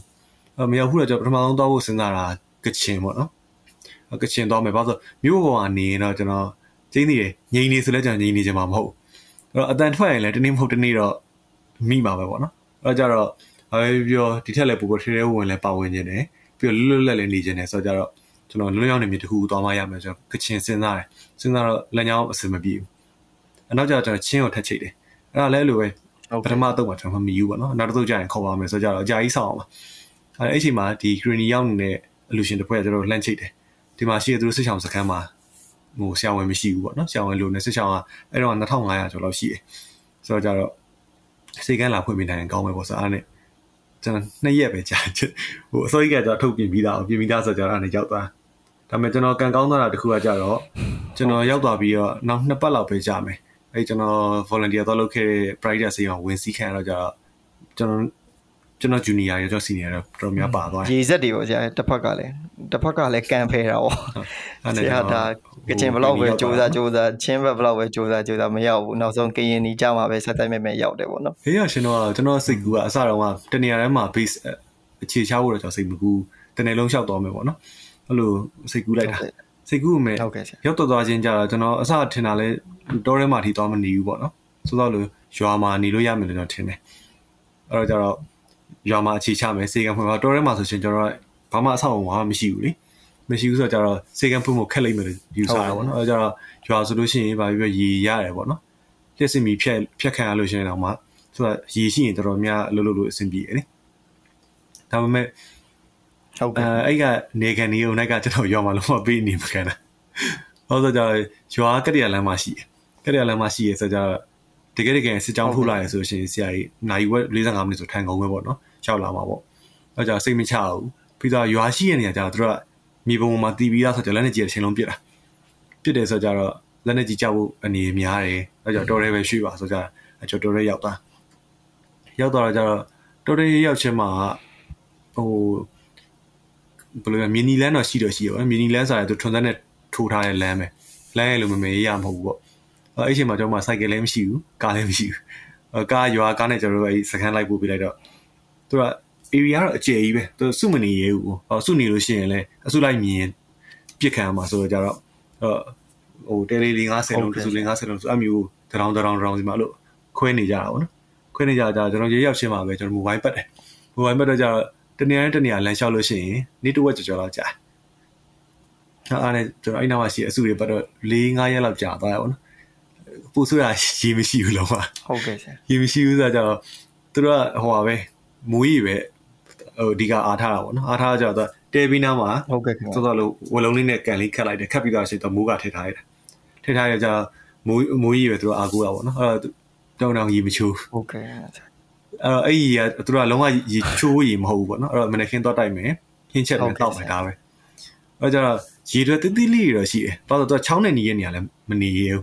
မနေရဘူးဆိုတော့ချောင်းနဲ့နီးရဲ့နေရာတွေအများသောဖြင့်ရွာတွေတော့ရှောက်ရှိရတော့လေအဲ့တော့သူတို့ကအဲ့လက်နဲ့ကြီးကြတဲ့ကျွန်တော်သွားတဲ့စခန်းอ่ะဆိုလို့ရှိရင်၄ယောက်ရှင်တော့ကတော့လက်နဲ့ကြီးကြလို့ရွာရွာသား၄ယောက်ပွဲချင်းပြီးတည်သွားဆုံးတော့ကြတော့အောက်မှာသူတို့ကရွှေ့လိုက်တာပေါ့နော်အဲ့တော့ကျရွာဆိုရှင်မပြင်းရဘူးသူတို့က အဲ့တော့ရေမရှိတော့တော်တော်ဒုက္ခရောက်တာကြာအဲ့၄၅ရက်လောက်လုံးဝစတိုက်ရေမချိုးအောင်ဟာဟုတ်ကဲ့ဆရာဒီမရှိပါတော့စကန်ပြန်အောင်တော့သူတို့ကကျွန်တော်တို့ဆွဲတာပေါ့နော်ဆွဲရစားဟိုဆရာတို့နှစ်ယောက်ကတော့အထူးခွင့်ရင်းနေတဲ့ဒီမွေးရကန်တွေကရေကိုပေးချိုးမယ်ပေါ့နော်ချိုးပြတာဆရာတို့မပြန်ပါနဲ့ပေါ့နော်အဲ့ဒါကြီးရချိုးခွင့်ရလိုက်တယ်ဟာဟုတ်ကဲ့ဆရာ ဟိုခုနပြောသလိုပေါ့ကျွန်တော်ရီးရဲဆိုတာဘယ်လိုပြောမလဲဒီချိန်မှာရီးနိုင်တာပေါ့နော်ဒါပေမဲ့တကယ်စဉ်းစားကြည့်ရင်တော်တော်လဲဟိုတနာဖို့ကောင်းတယ်နော်ဆရာသူတို့အနေထားတွေရဲ့ဘဝတွေရဲ့ဟုတ်ဒါပေမဲ့တခုသူတို့တွေနည်းနည်းတော့ဟိုဝမ်းနေစရာလည်းကောင်းတယ်ပေါ့နော်ခံပြင်းစရာလည်းကောင်းဒါပေမဲ့ခံလဲခံတာတာကြတော့တိုင်းသားဒေတာကြတော့အမျိုးကအရန်ထူးဆန်းမဟုတ်သူတို့ကြုံနေကြပေါ့နော်ကျွန်တော်တို့ဒါမသိခဲ့တာပြီးတော့နောက်တစ်ခုကကြတော့သူတို့ကကြတော့အတွေ့အကြုံရှိရဆိုတာ ဟိုတောင်ရလုံးနေကြလဲပါတာ哦တောင်ရလုံးနေကြပါတာဆိုကြတော့စောစောလို့သူတို့ရဲ့အခြေခံပစ္စည်းတချို့ပါလို့ရှိရင်တော့ဘယ်နှန်းနေတော့စကန်ချတတ်တယ်အဲကြတော့ရှိရဲ့အသီးနှံစားမယ်ပြီးတော့ရှင်သူတို့မဲလိုက်တယ်ပေါ့နော်ပြီးတော့ရေဆိုလို့ရှိရင်အဓိကသူတို့အတွက်လိုအပ်ဆုံးအချိန်မှာမိုးကပဲမိုးကရှိလို့ရှိရင်အကုန်လုံးလို့ရတာတဲဆောက်လို့ရတယ်ဆိုတာမွေးကန်လို့လို့ရတယ်ပေါ့နော်ဆိုတော့ကျွန်တော်ရောက်တော့မိုးရင်းဘက်ဆိုလည်းတခုကောင်းတာရေတော်တော်ရတယ် အားကြောင့်လည်းသူတို့ တော်သေးရပါဆရာတစ်ဖက်ကပြန်ကြည့်ရင်ပေါ့နော်အဲ့တော့ဆရာသူတို့ကအဲ့မိုးရီစုတာဆိုတော့အမှຫນွေဘက်တွေပါတယ်ဆိုလဲတຫນွေလုံးအဲ့မိုးရီပဲတုံးလာလားဆရာ အဲ့တော့ကျွန်တော်မိုးရင်းနေနေစကုန်လာကြတော့ရေကအဆင်မပြေတော့အဆင်မပြေတော့ကြတော့ကျွန်တော်ရေရှားတာပေါ့နော်ရေရှားတော့ရေရတိတိလေးတွေရှိတယ်ဘယ်လောက်ဖြစ်မလဲဆိုတော့6 6ပေလောက်ပဲ6ပေလောက်မပြည့်ဘူးလို့တွင်းတိတိလေးတွေရှိတယ်ဒါတင်နေလေးပဲ5 6ပုံခတ်လိုက်လို့ရှိရင် ဟိုရေခန်းခန်းလို့မတက်ဖြစ်သွားဖြစ်သွားရင်နည်းနည်းပြန်စောင့်ပေါ့နော်ပြန်စောင့်တော့ရေနည်းနည်းပြန်ပြေးလာဆိုတော့သူတို့အားလေးတွေကိုပဲခတ်ပြီးသုံးကြတာအဲ့လိုဟာလေးတွေကတော့ဟိုနာတွင်းနာတွင်းတော့ရှိတော့ရှိရပေါ့နော်သူတို့ကအဲ့ဒါလေးတွေကိုဒီငါးခါလန်ဟိုမေစင်ဘုံလိုဟာမျိုးလေးနဲ့လေစီဘုံလေးနဲ့အဲ့ဒါလေးနဲ့ထည့်ထည့်ပြီးတော့ရှင်တော့တထဲမှာ၃လေးဘုံလိုစုစုထားကြစုထားပြီးတော့ဒါပေမဲ့ပြဿနာဘာဖြစ်လဲဆိုတော့အရေးပြပြဿနာတက်ကောတက်ကောဆိုတော့ကြာရေချိုးစရာမရှိတော့ကြာအရေးပြပြဿနာအရန်ဆိုးတာ ဆိုတော့လာပြပြီဆိုရင်ကျွန်တော်ပြောရဲတန်တန်ရှင်းရှင်းနေရေစေးဟိုရေချိုးပေါ့နော်ခြေစေးလက်စေးပြောလို့ရှိရင်ရေမမရှိအောင်အဲ့တော့ကျွန်တော်နောက်တစ်ခုထပ်စီစဉ်တော့အမှကျွန်တော်နောက်ဆုံးတော့ရေကန်တော့တူးတော့တူးပြလိုက်ဒါပေမဲ့ရေကန်ကလည်းတိတ်မခံလိုက်ဘူး3 5လကြာတော့ခန်းသွားအဲ့တော့ချောင်းရှိရဲ့နေရာတဖြည်းဖြည်းရွှေ့ရအောင်နော်ရွှေ့တော့ကြာပြဿနာကကြာချောင်းရှိရဲ့နေရာတွေကကျွန်တော်ဖုန်းလိုင်းမမိဘူးအဲ့တော့ကျွန်တော်တို့ဇဲချတဲ့တောင်ပေါ်နေရာတွေကကြာတော့ဖုန်းလိုင်းမိအရေးမရှိဘူးပေါ့နော်အဲ့တော့နောက်ပိုင်းတော့ ဒီ area တစ်ခုလုံးကိုသူတို့နည်းနည်းတော့ moment နဲ့ moment နဲ့ဆိုအဲရွာတွေကလောအားပြီးခေါ်ပြီးသူတို့လမ်းလေးပြန်ဖော်တယ်ဖော်ပြီးတော့စောစောလိုဟိုဟောပေါ့နော်ရွာကနေသူတို့ cycle လေးပါလာတယ်ပါလာတော့ကျတော့အဲရေရွက်တွေလိုက်ပြီးတူကြတယ်တူပြီးတော့ရေကန်ဖော်လိုက်တယ်ဖော်ပြီးတော့လို့ရှိရင်အဲ့ကနေပြီးတော့သူတို့ရေချိုးရဲ့ရေကန်မှာလာချိုးတယ်ချိုးပြီးတော့လို့ရှိရင်အဲ့ပုံနဲ့အဲ့ကိုပြင်တင်ကြရပေါ့နော်အခုနောက်ပိုင်းတော့အဲ့လိုပဲလုပ်ရတာဆရာ ဟိုတကယ်လဲလေးစားပါတယ်ဆရာတို့ဒီလိုမျိုးရောက်တော့တော့လဲသူတို့အနေနဲ့လဲဒါဝမ်းသာကြလဲဖြစ်အားကိုးစရာလဲဖြစ်ဆိုတော့ဒါဆရာတို့ကြုံတွေ့ရတဲ့အထွေးကြုံလဲတော်တော်လေးလဲဟိုဘယ်လိုပြောမလဲဆရာရဲ့အိမ်မက်ဆန်နဲ့ပဲပြောရမှာဆရာကျွန်တော်လည်းတစ်ခါမှတော့အဲ့လိုမတွေးထားမိဘူးပြောတော့မယ်လို့ဒါကတော့ဆရာရဲ့ဟိုဆရာတို့သွားခဲ့ရတဲ့ဘက်ကလည်းဒါကြရားဘက်ဆိုပေမဲ့ဟိုပုံမှန်ပေါ့နော်ရေပုံရအားဖြင့်ပြောရရင်တော့ ဒီကချင်ကရင်ပေါ့နော်ပြီးရင်တခြားချင်းဘက်တွေပါဆိုလဲဒီလိုပါပဲဟိုနေတာများတာနဲ့ကွာမယ်ဒီလိုဟာမျိုးတွေကလည်းတောက်လျှောက်တွေအများကြီးဖြစ်ခဲ့ကြတာเนาะဆရာဟုတ်ကဲ့ဆရာအဲ့တော့ဆရာခုနပြောရဲပေါ့နော်ပြောရတဲ့မှာဘာတွေပါလဲဆိုတော့ဒီစစ်တပ်ကခဏခဏစစ်ကြောင်းထိုးရလေနဲ့ဘုံကျဲခံရတာတွေရှိတာပေါ့အဲ့တော့ဆရာဖြတ်ကျော်ဘူးတဲ့အဲ့လိုမျိုးပေါ့နော်ကိုတွေ့ပေါ့အနီးဆက်ဆုံးပေါ့နော်ဒီစစ်တပ်ကစစ်ကြောင်းထိုးရတာတွေလေရင်ဘုံကျဲခံရတာတွေနဲ့ပတ်သက်ပြီးတော့ပြောပြပေးပါအောင်ဆရာ အာဟုတ်အဲ့ဒါကတော့လေသူတို့ကတော့ဘယ်လိုပြောမလဲပြောရမယ်ဆိုလို့ရှိရင်ဟုတ်ကဲ့ဆရာကျွန်တော်တို့နေတာစစ်ဆောင်စခန်းမှာနေတာ哦စစ်ဆောင်စခန်းမှာနေရဆိုကြတော့လက်နဲ့ကြီးတယ်ကတော့ကျွန်တော်အမြဲကြားတယ်ဘာလို့ green ကချင်းချင်းလေးတွေချင်းချင်းလေးဆိုကြတော့ဖြစ်လို့ရှိရင်ကြားနေရတော့ဘယ်လိုလဲဆိုကြတော့အဲ့ဒါကြောင့်မလို့ပေါ့နော်တချို့ကကြတော့ဟိုဒီလက်နဲ့ကင်နဲ့ပတ်သက်လို့ရှိရင်ဝင်မပါချင်ဘူးသိရမလားကျွန်တော်အလူရှင်နေမှာရှိတယ် အလူရှင်လှူပြီးဆိုလို့ရှိရင်ဒါဒီစစ်ဆောင်စခန်းတွေပဲလှူချင်တာ ဟုတ်တ ဒါ ယ် လက်နဲ့ကင်တွေလုံးဝမပါခြင်းဘူးစိတ်လူမျိုးရှိရပါတော့တကယ်တကယ်တော့အဲ့ဒါလေဘယ်လိုပြောမလဲမပတ်သက်လို့တော့မရအောင်မပတ်သက်လို့မရဘူးဆိုတော့ကျွန်တော်တို့တောင်လုံုံကြီးရကြတော့သူတို့ပဲတောင်ယူပေးရဘာလို့လဲဆိုတော့စဖြစ်ခရေကိုနိုင်ကရွာနားမှာတိုက်ပွဲဖြစ်တယ်အဲရွာတွေကလူတွေစုနေတယ်ဖះเจ้าကိုလက်လက်ကြီးနဲ့ပြစ်လိုက်တာပြစ်လို့ထိပြီးတော့အကုန်ထွက်ပြေးရအောင်နော်ပြီးတော့လေဒီလူတွေပဲကဲပေးတဲပေးနေနောက်ဆုံးတော့ဒီလူတွေပဲလက်နဲ့ကင်မတော်လန်ရတာပဲလေအဲ့တော့ကြတော့ တသားတည်းပဲပေါ့နော်ကျွန်တော်ဒီစစ်ဆောင်စခန်းအကုန်အဆင်ပြေဖို့လေသူတို့ပဲတာဝန်ယူပေးရတာပေါ့အဲ့တော့ကြတော့မမရအဲ့ဒီသူအဲ့လက်နဲ့ကြီးရတဲ့ချိန်လုံးကြားနေရတာပဲပြီးတော့လို့ရှိရင်သူတို့စကြောင်ထုတ်လာပြီဆိုဖုန်းဆက်တယ်ဟိုဆရာတို့ပေါ့ဒီစစ်ဆောင်စခန်းလူတွေတတိထားပေါ့နော်ဘယ်လမ်းကြောင်းကနေစကြောင်ထုတ်လာပြီးကျွန်တော်တို့တော့သွားတားတရားရှိတယ်ပေါ့နော်ဒါပေမဲ့အထုပ်တွေစင်းစင်းပြင်ထားဖို့ဆိုရေရောက်ရှင်တော့ကျွန်တော်မနေတော့မနေတော့ဟူစားအဲ့တရုံလုံးတန်ကြပြီဆိုရှင်အထုပ်ဆွဲဆွဲဆွဲပြီးတော့ဟိုမြေုံ မြေုံထောက်ကြည့်ပါနော်တကယ်ကန်တော့ကျွန်တော်မသွားရမသွားတတ်ပါဘူးအမြေုံကြည့်ကြည့်ပြီးတော့ရှင်တခုဆိုဖေရှူရဲပြင်စင်းမယ်ဘယ်နာသွားမယ်ပေါ့ဘယ်လိုလုပ်မယ်ပေါ့စိတ်ကူးတာပဲဒါနောက်ပိုင်းကျတော့တချီလာကြလာစိတ်အင်းနဲ့အေးသွားအေးသွားစားအော်ဘာပြောငါတို့စီတန်းမရောက်ဘူးပေါ့နော်တခါမှလည်းတကယ်လည်းရောက်မလာဘူးဘာလို့တိုက်ပွဲမြဲဖြစ်တယ်ဟိုထိတွေ့မှုရှိရဒဏ်ရာရရလူရှိရပေါ့နော်ဒါပြီးတော့ကျွန်တော်စီရောက်မလာဘူးဟုတ်ကဲ့ရောက်လာအောင်စားစစ်ကြောင်းထိုးတာရောက်မလာဘူးပြောတာလေအဲ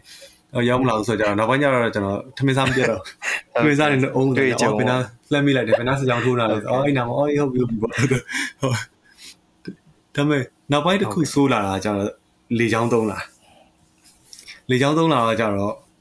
လေချောင်းကျတော့ခက်တယ်လေဟိုစစ်ကြောင်းထိုးတာမှလမ်းမှာဖြတ်တာလို့ရတာပေါ့နော်အဲ့လေချောင်းကနေလာပြီဆိုလို့ရှိရင်ကျတော့ဟိုကန်ပဲကြားချင်တယ်ကြားမှာပဲပေါ့နော်ထိချင်တယ်ထိမှာပဲဆိုတော့လေချောင်းဟောဖြစ်နေလန့်တယ် အဲ့ကြတော့လေရင်တန်ကြားပြီဆိုရှင်ကျွန်တော်တို့အမှတောင်ဆောင်နေလို့ရှူရီထဲမှာကျွန်တော်ဘုံကူစင်တူထတာရှိရပါတော့အဲ့ကြတော့အထုပ်တွေအစင်းစင်းပြင်လာပြီဆိုရှင်ဆင်းရှောင်နေပေါ့ဆိုတော့မမရတစ်ခေါက်ကတော့အဲ့ဒီမှာတိုက်ပွဲတစ်ခုဖြစ်တော့ကြတော့သူလေချောင်းနဲ့လာကျေးတယ်ကျေးပြီးတော့ရဲဘော်တယောက်တန်ရရပေါ့နော်ရကျွန်တော်လှမ်းဖုန်းဆက်တယ်ဆရာကြီးပေါ့ဆွဲတော့ဆွဲထုတ်လာပြီပေါ့နော်ဒါပေမဲ့ဟိုဖြစ်တယ်ဝေးတော့ကြတော့ဆရာတို့စီချက်ချင်းရောက်မလာနိုင်ဘူးပေါ့နော်အဲ့တော့ဆရာတို့လာလို့ရမလားဆိုတော့ကျွန်တော်သွားတယ် သွားတော့ကြတော့ကျွန်တော်တို့စီကထွက်တာတော့မှညနေ3နာရီလောက်ထွက်တာထွက်ပြီးတော့အဲ့ဒီလမ်းမှာသူတို့နဲ့ချိန်ထားတဲ့နေရာမှာကျွန်တော်စောင့်နေစောင့်ပြီးတော့ညနေ6နာရီလောက်မှသူတို့ရောက်လာဟုတ်ကဲ့ရဲဘော်ကထိတာကြီး3နာရီလောက်ကထိတာပေါ့နော်ထိရောက်လာတော့တော်သေးတာတခုကိုယူစရာကောင်းတာကျွန်တော်တို့စီကန်းက CDM ဟိုတူနာပြဆရာရှိတယ်အဲ့ဆရာတော့ရှီတန်းထိလိုက်တာတချီတန်းထိကျုပ်အဲ့ဆေးလွယ်လွယ်ပြီးလိုက်တာ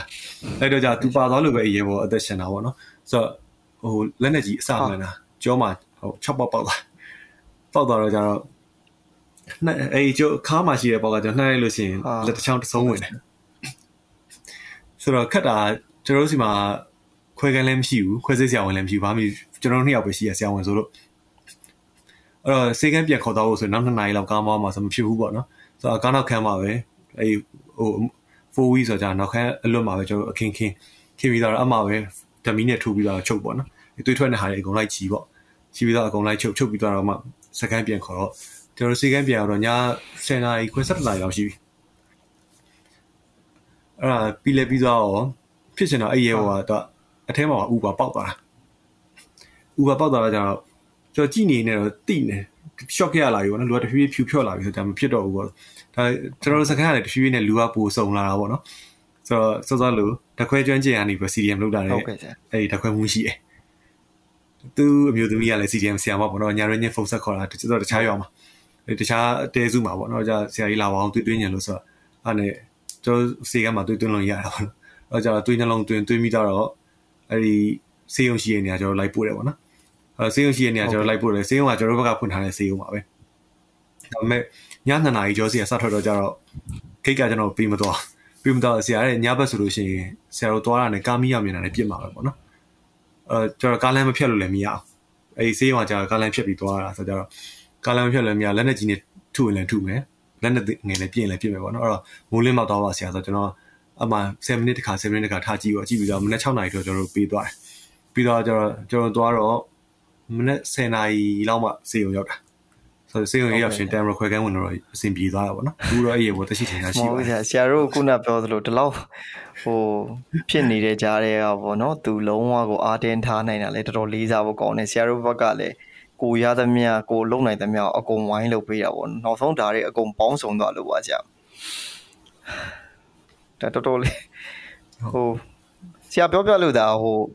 ကြားနေရတာပေါ့နော်ဘလို့မှတွေးကြည့်လို့တော့မရပါဘူးဆရာဆရာအဖို့ကျွန်တော်နည်းနည်းဒါဟိုခေါင်းထဲမှာ ပေါ်လာမိတယ်မေးကုန်ပေါ့နော်ဆရာအဲ့လိုဘာမှစုံစုံလင်းလင်းမရှိဘယ်လိုမျိုးဟိုဘာမှလည်းပေါ့နော်ဒီကျွန်တော်တို့ပြောမယ်ဆိုပြ proper ပေါ့တကယ်သူ့တင်းတင်းလျောက်ပတ်တဲ့ပစ္စည်းတွေဘာမှမရှိပဲねဆရာဘယ်လိုပုံစံမျိုးနဲ့ပေါ့နော်ဒီဆရာဝန်ဒီ Dorin နဲ့ဆရာဝန်ဘဝကိုရှေ့ဆက်လဲဆရာဆိုတော့လေအဲ့ဒါတော့ဟိုလိုမျိုးနဲ့ကျွန်တော်တို့တင်ပေးခဲ့တဲ့ဆရာတွေကြီးစုလည်းပါတယ်ပေါ့နော်။ဘာလို့ဆိုကြတော့ဟိုလေနိုင်ငံခြားဆောင်ရွက်ဖြစ်မယ်ဆိုရင်ပြဿနာရှိလိမ့်မယ်။ဒါပေမဲ့ကျွန်တော်တို့ဆရာတွေကကျတော့ တင်ကြတဲ့ကသူကမြန်မာနိုင်ငံဒီဘာမှမစုံဘူး။အဲ့တော့ကျတော့ဘာမှမရှိတဲ့နေရာမှာဖြစ်တဲ့ဟာကိုလုပ်ပေါ့နော်။ဆိုတော့အဲ့လိုအဲ့လို train ပေးရလဲပါ။နောက်တစ်ချက်ကကျတော့ဟိုလိုရောမလဲ။တော်ရရောက်ပြီဆိုရင်ကျွန်တော်တို့စလုပ်တဲ့လူကပစ္စည်းစစုတာ။စစုတာဆိုတော့ကျတော့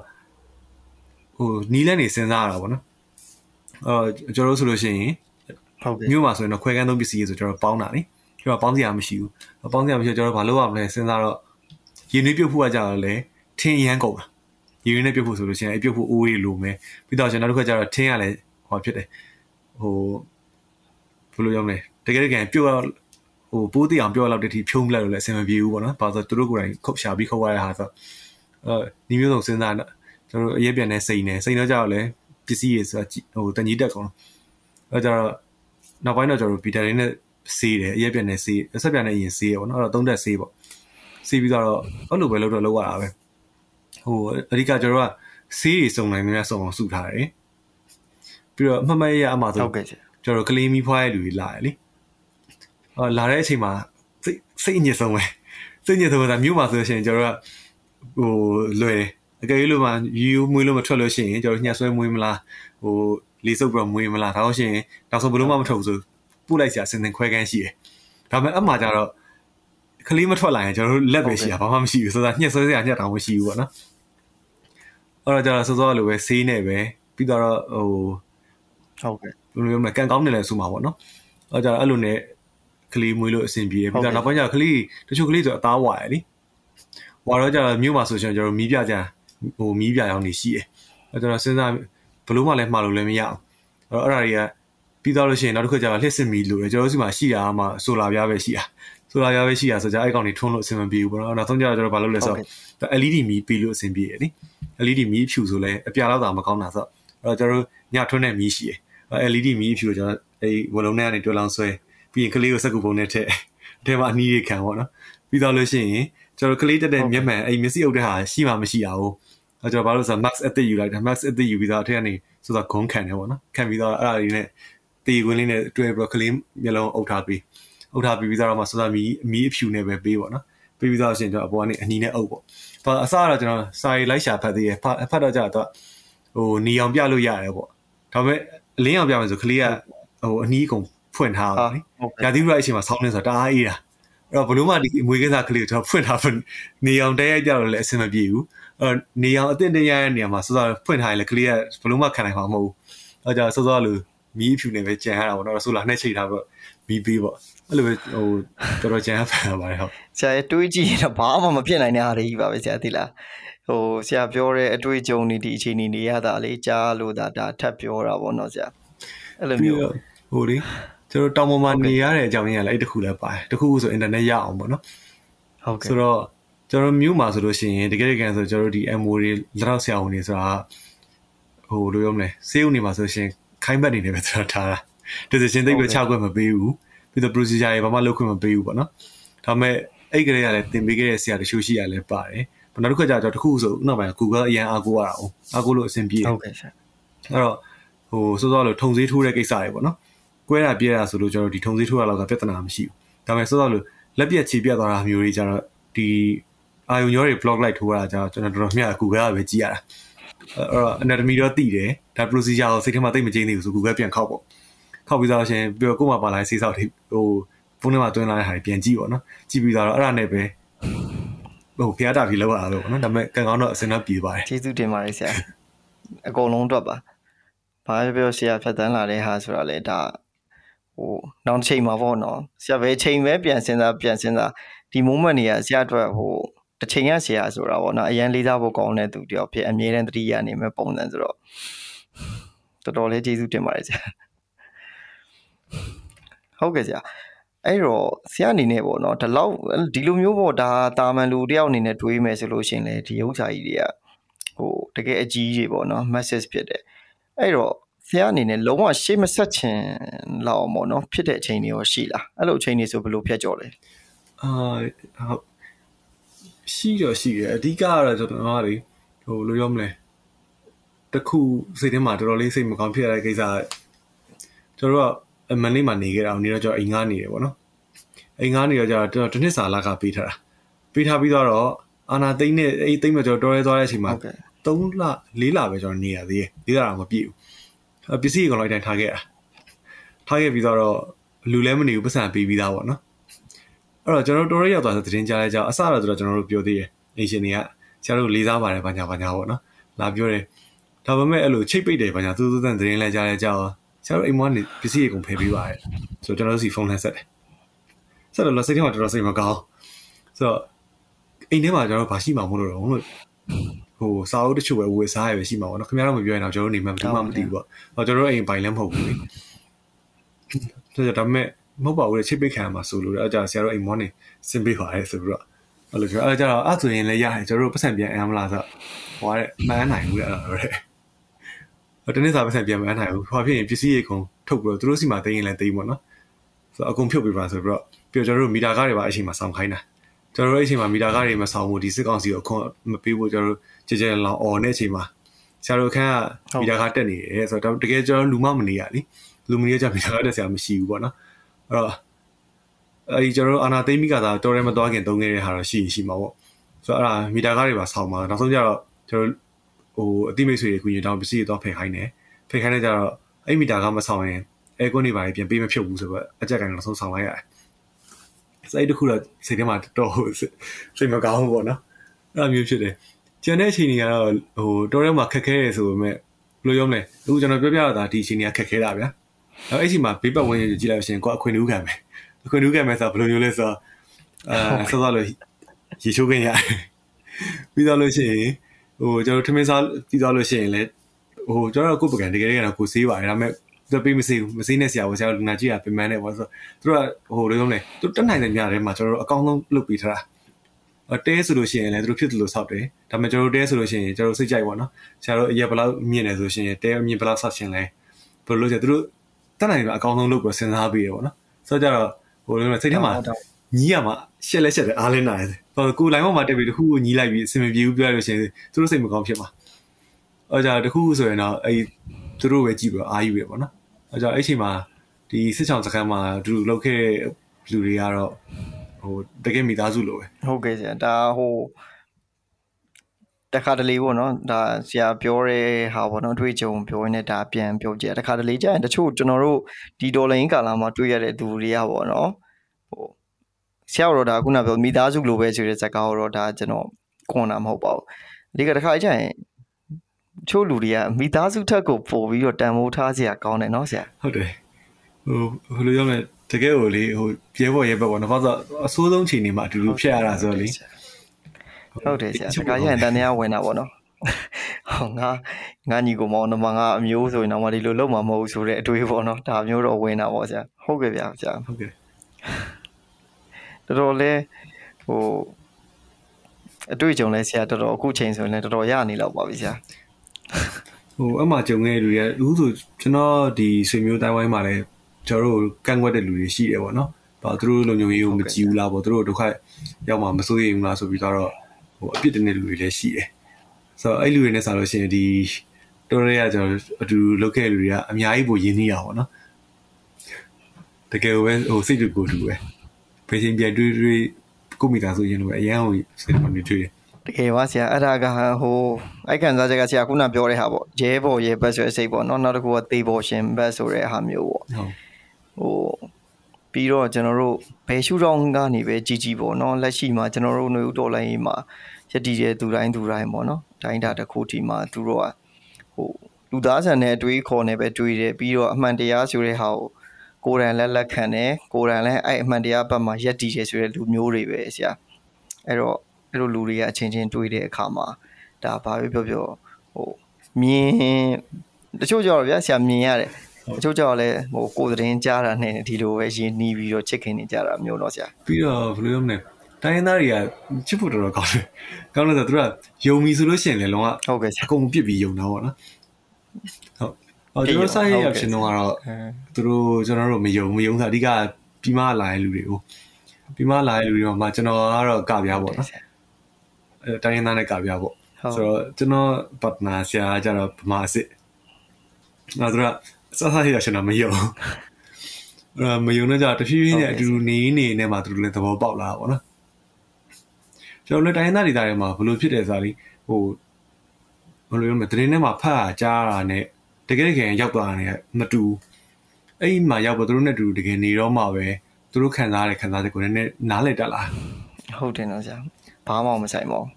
ဘာကျွန်တော်อืมစာရေးရောက်ရှင်တော့ဆိုရှင်သူတို့ကဘယ်လိုပြောလဲဆိုကြတော့ဗမာရီလာပြီဆရာအဲ့တော့ဆရာတို့စိတ်မပူတဲ့ကျွန်တော်ဗမာရီတိုက်တိုက်ပေးမယ်ဆရာတို့အတွက်ဟိုဘယ်သူမှလာမဖမ်းစေရအောင်ဆိုတော့ဟိုဆရာကျွန်တော်လည်းဗမာဒီစကန်ထဲမှာဗမာတယောက်ကြံနေလေးရဆို ဗမာလေးဗမာလေးဆိုကျွန်တော်ပဲဆိုအမှုဆရာပြောကျွန်တော်ကျွန်တော်စစ်တပ်ကိုပြောတာဆိုအဲ့တော့ဆိုတော့ကျွန်တော်တို့ဒီလူတွေလေးဆိုတော့ gay စကလုံးနဲ့ဒီမကောင်းတာနဲ့တွဲမြင်လို့ပဲသူကစစ်တပ်ဆိုရင်ဗမာလို့ပဲသုံးတာအဲ့တော့နောက်ပိုင်းမှာသူတွေနည်းနည်းတော့ပေါ့လားအော်ဗမာကြီးလည်းမစိုးရလူရှိသားပဲပေါ့ဘာလို့သူတို့တိုင်းရင်းသားတွေတာမှာကျတော့တစ်သက်လုံးမြင်ခဲ့ရတဲ့ဗမာဆိုတာဒီဆိုတော့သူစစ်တပ်မဟုတ်လို့ရှိရင်စစ်တပ်နဲ့ဆက်ဆက်တဲ့မူကြဟုချုပ်တ်တတွေယ်ဆပဲရာဟုတ်တယ်ဆိုတော့ကျတော့သူကကောင်းတဲ့ဗမာမမြင်ဘူးပေါ့နော်အဲ့လိုမျိုးဆိုကြတော့ကိုက ပြရတာပေါ့အဲကျတော့မောင်းနောက်ပိုင်းမှာတဖြည်းဖြည်းနဲ့သူတို့သဘောပေါက်လာဟုတ်တယ်ဆရာဟိုသူတို့ကတော့ဒဲပဲနော်ဆရာတခုခုဆိုရင်တော့ကြိုက်ရင်ကြိုက်တယ်မကြိုက်ရင်မကြိုက်ဘူးပဲခုနဆရာပြောရမှာပါပြီးသားပေါ့နော်ဟိုခုနမိုးကြမိုးကြရွှေကိုဆိုတဲ့အတိတ်ပဲပေါ့ကျွန်တော် generally ပြန်ကြည့်ရင်စစ်တပ်ကဘယ်လောက်ထိရုပ်มาလဲဆိုရင်ဗျာအဲ့ဘက်မှာပြောမယ်ဆိုရင်တိုင်းနာဒေသတော်တော်များများမှာအရက်ဖက်ဖွဲ့စည်းမရှိဘူးပြီးရင်သူတို့အုပ်ချုပ်တာလဲစစ်တပ်ကတိုင်းရဲ့အုပ်ချုပ်တယ် ပြီးရင်ဆရာရိုးရိုးလေးပဲဆရာတို့ကျွန်တော်တို့စဉ်းစားကြည့်မယ်ဆိုရင်ကျွန်တော်ထားမြို့ထဲမှာဆရာမတယောက်ယောက်က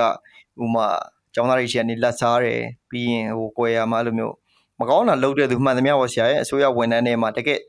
ဆိုးတဲ့သူတွေအခွင့်အရေးယူတဲ့သူတွေကိုပဲဒီတိုင်းသားဒေသတွေကိုပို့တာဟုတ်ဆရာဟုတ်တယ်အဲ့တော့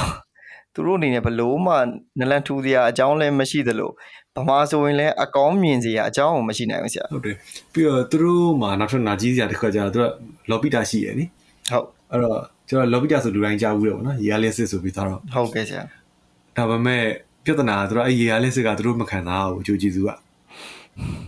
တော့သူတို့မှာသချင်းငွေထွက်ထတာရှိရယ်ပြန်လာပါလော်ပီတာဆိုပြီးထွက်ထတာရှိရယ်သူတို့ခံစားချက်တွေရေးထားတာပေါ့နော်ဟုတ်ကဲ့အဲ့တော့ကျွန်တော်အခုတော်ရဲရောက်တဲ့အချိန်မှာအဲ့ဒီချင်တာဟောင်းတော့အရန်ကိုထိရစိတ်ထဲမှာ ဟောဒီတချင်းအာနာသိန်းတော့ရေးထားတာလားပေါ့ဆိုတော့ရဲခင်ကထွက်တာနှစ်ပေါင်းကြာလာပြီကျွန်တော်တို့သာမကြောက်ဘူးလားမသိတာဟောကြအခုချိန်ကြီးသူတို့တော့ကဒီချိန်နေတိုင်းပဲပေါ့နော်ဆိုကြစိတ်လည်းတော်တော်လည်းမကောင်းဘူးပြီးတော့သူတို့လည်းသူတို့ဆက်လည်းနေပြောပြတယ်ဒီလော်ပီတာကနေပြီးတော့လက်စတာလိုက်နေပြီးမှကိုသူတို့ပို့တယ်ပေါ့နော်ပို့တဲ့လမ်းကရွာတွေအကုန်လုံးမှောင်နေတာမှောင်တာဆိုပေမဲ့သူတို့တာဝါတိုင်းနေရှိတယ်အဲ့တာဝါတိုင်းတွေကိုတာဝါတိုင်းနဲ့နီးရရွာကိုဆိုလုံညွေးတာဝါယူခိုင်းတာ အော်ဒီတာဝါတိုင်းတစ်ခုဖြစ်လို့ရှိရင်ဒီဒီရွာတာဝါမယ်ဆိုတာဝန်လဲပြီးတယ်ပြီးတော့လို့ရှိရင်သူအဲ့တာဝါတိုင်းပတ်ပတ်လဲမှာမိုင်းထောင်ထားတာမြေမြဝိုင်းနေအပြည့်ထောင်ထားတာထောင်ထားတာဘာဖြစ်လဲဆိုတော့ခဏခဏရွာသားတွေနင်းမိတယ်ရွာသားမနင်းမိလို့ရှိရင်တော့မှကျွေးရင်တော့သူတို့အစာလှုပ်ပြီးကြောင်းလို့ရှိရင်နင်းမိတယ်နင်းမိတော့ကြတော့ဒီ NLD ဆိုရတက်လာပြီးနောက်ပိုင်းမှာ NGO တချို့ရှိရပါသူတို့ဘာလုပ်လဲဆိုတော့ခြံခတ်ခွင့်တောင်းတာဟုတ်ကဲ့ကျက်တဲ့လောက်ယူလိုက်ဥမာဒီတာဝါနဲ့ဥမာ P100 ဆို100 P200 ဆို200ကျက်တဲ့လောက်အကွာဝေးယူလိုက် ယူပြီးတော့လို့ရှိရင်ခြံလေးတော့ခတ်ခွင့်ပေးဒါမှဟိုမသိရလူတွေမဝင်မှာပေါ့ရှောင်းလို့ရမယ်ပေါ့ရှောင်းလို့ရမှာပေါ့ဆိုပြီးတော့အဲ့ဒါကိုခြံခွက်ခွင့်မပေးဘူးအဲ့တော့တိုင်းဒေသကြီးဆိုရနေပြီးခွင့်ပြုတယ်စစ်တပ်ကနေပေးချပေးချတော့ကြတော့သူတို့အဲ့ဒီဟာကိုအခုတည်းကသူတို့ခြံမခတ်နိုင်အဲ့အဲ့မိုင်းနေရှင်းပေးဆိုတော့မရှင်းပေးဘူးပေါ့နော်ပြီးတော့ပိုဆူတာတစ်ခုကကြတော့ဒီအရင်ဒီ NRI ခင်အစိုးရမတိုင်ငယ်ပေါ့နော်အရင်ခေတ်ကဆိုဘာလို့ကြလဲဆိုတော့ သူကအရက်ဝတ်နဲ့တိုင်းသားအဲ့ဒီလက်နက်ကင်အတွင်းယူပြီးတော့လာတယ်လာပြီးတော့တရင်လာရတယ်လာရလို့ရှိရင်ဟိုရွာသားတွေမပြောလို့ရှိရင်လည်းရိုက်နှက်သွားရွာသားတွေပြောလို့ရှိရင်လည်းသူကပြန်သွားတယ်ပြီးတော့ရှင်ယူနီဖောင်းနဲ့ပြန်လာပြန်လာပြီးတော့ရှင်မင်းတို့ကငါတို့ကိုခေါ်ကောင်းလုပ်တာဆိုလို့ဆိုပြီးတော့ပြန်နှိပ်စက်တာပဲဆိုတော့အဲ့ဒါတိုင်းသားတွေဒါခံနေကြပေါ့နော်အဲ့တော့သူတို့အောက်မလို့လေဒီစစ်တပ်ဆိုရှင်အရန်မုန်းတာဆိုအဲ့ဒီဇလန်တွေကသူတို့ပြောခံရတဲ့လူတွေပြောမှာပဲ ကျွန်တော်လည်းကြားဘူးတာပါမြို့မှာနေတော့အဲ့ဒါမသိဘူးလေ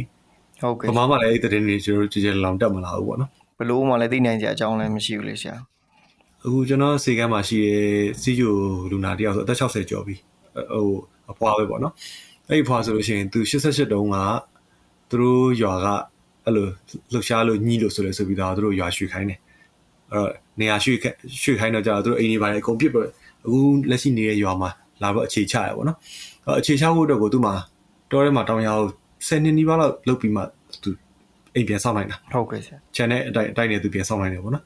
ဆောက်ပြီးသွားပြီးတော့အခုသူအခြေကျပြီးအဲ့တော့သူကလေးကိုလည်းသူသူကကန်ဆိုးချင်တော့သူကလေးကိုသူဆွဲရလို့သွင်းလိုက်တာဆွဲရလို့သွင်းလဲသွင်းလိုက်တော့အခုဖြစ်တော့ကြတော့သူ့သမီးကလည်း CRM လုပ်တယ်ပေါ့နော်လုပ်တော့ကြတော့အဲ့သူတို့အိမ်ကလည်းအခုတော့လက်နဲ့ကြီးထိရတယ်နဲ့ထိရကြတော့အကုန်ပြစ်ပြီးတော့အခုတော်ထဲမှာနောက်တစ်ခေါက်အသက်60ကျော်တော့မှပြန်ပြီးတော့ဟိုတဲနေပြန်နေနေရတာပေါ့နော်သူကပြောတယ် ကျွန်မနောက်တစ်ခေါက်တော့ပြန်ပြီးတော့တောင်ရလုပ်ပြီးတော့အဲ့လိုမဆောင်နိုင်တော့ဘူးဆရာတော်ရဲမှာပဲတည်ရင်လည်းတည်လိမ့်မယ်ပေါ့နော်ဒါပေမဲ့သမီးတော့တော့စိတ်ပူတယ်တဲ့နောက်တော့ကျွန်မကလေးတော်ကကြတော့တောင်ရလုပ်တတ်တယ်ပေါ့နော်သမီးကကြတော့ဟိုဆွေရဝန်ထမ်းအနေနဲ့ပြီးထားတော့တောင်ရလုပ်လုပ်မစားတတ်ဘူးတဲ့ဆိုတော့ကျွန်တော်အဲ့လိုပြောတယ်ပြောလည်းဘာပြန်ပြောပြလို့ပြောပြရမှမသိဘူးပေါ့နော်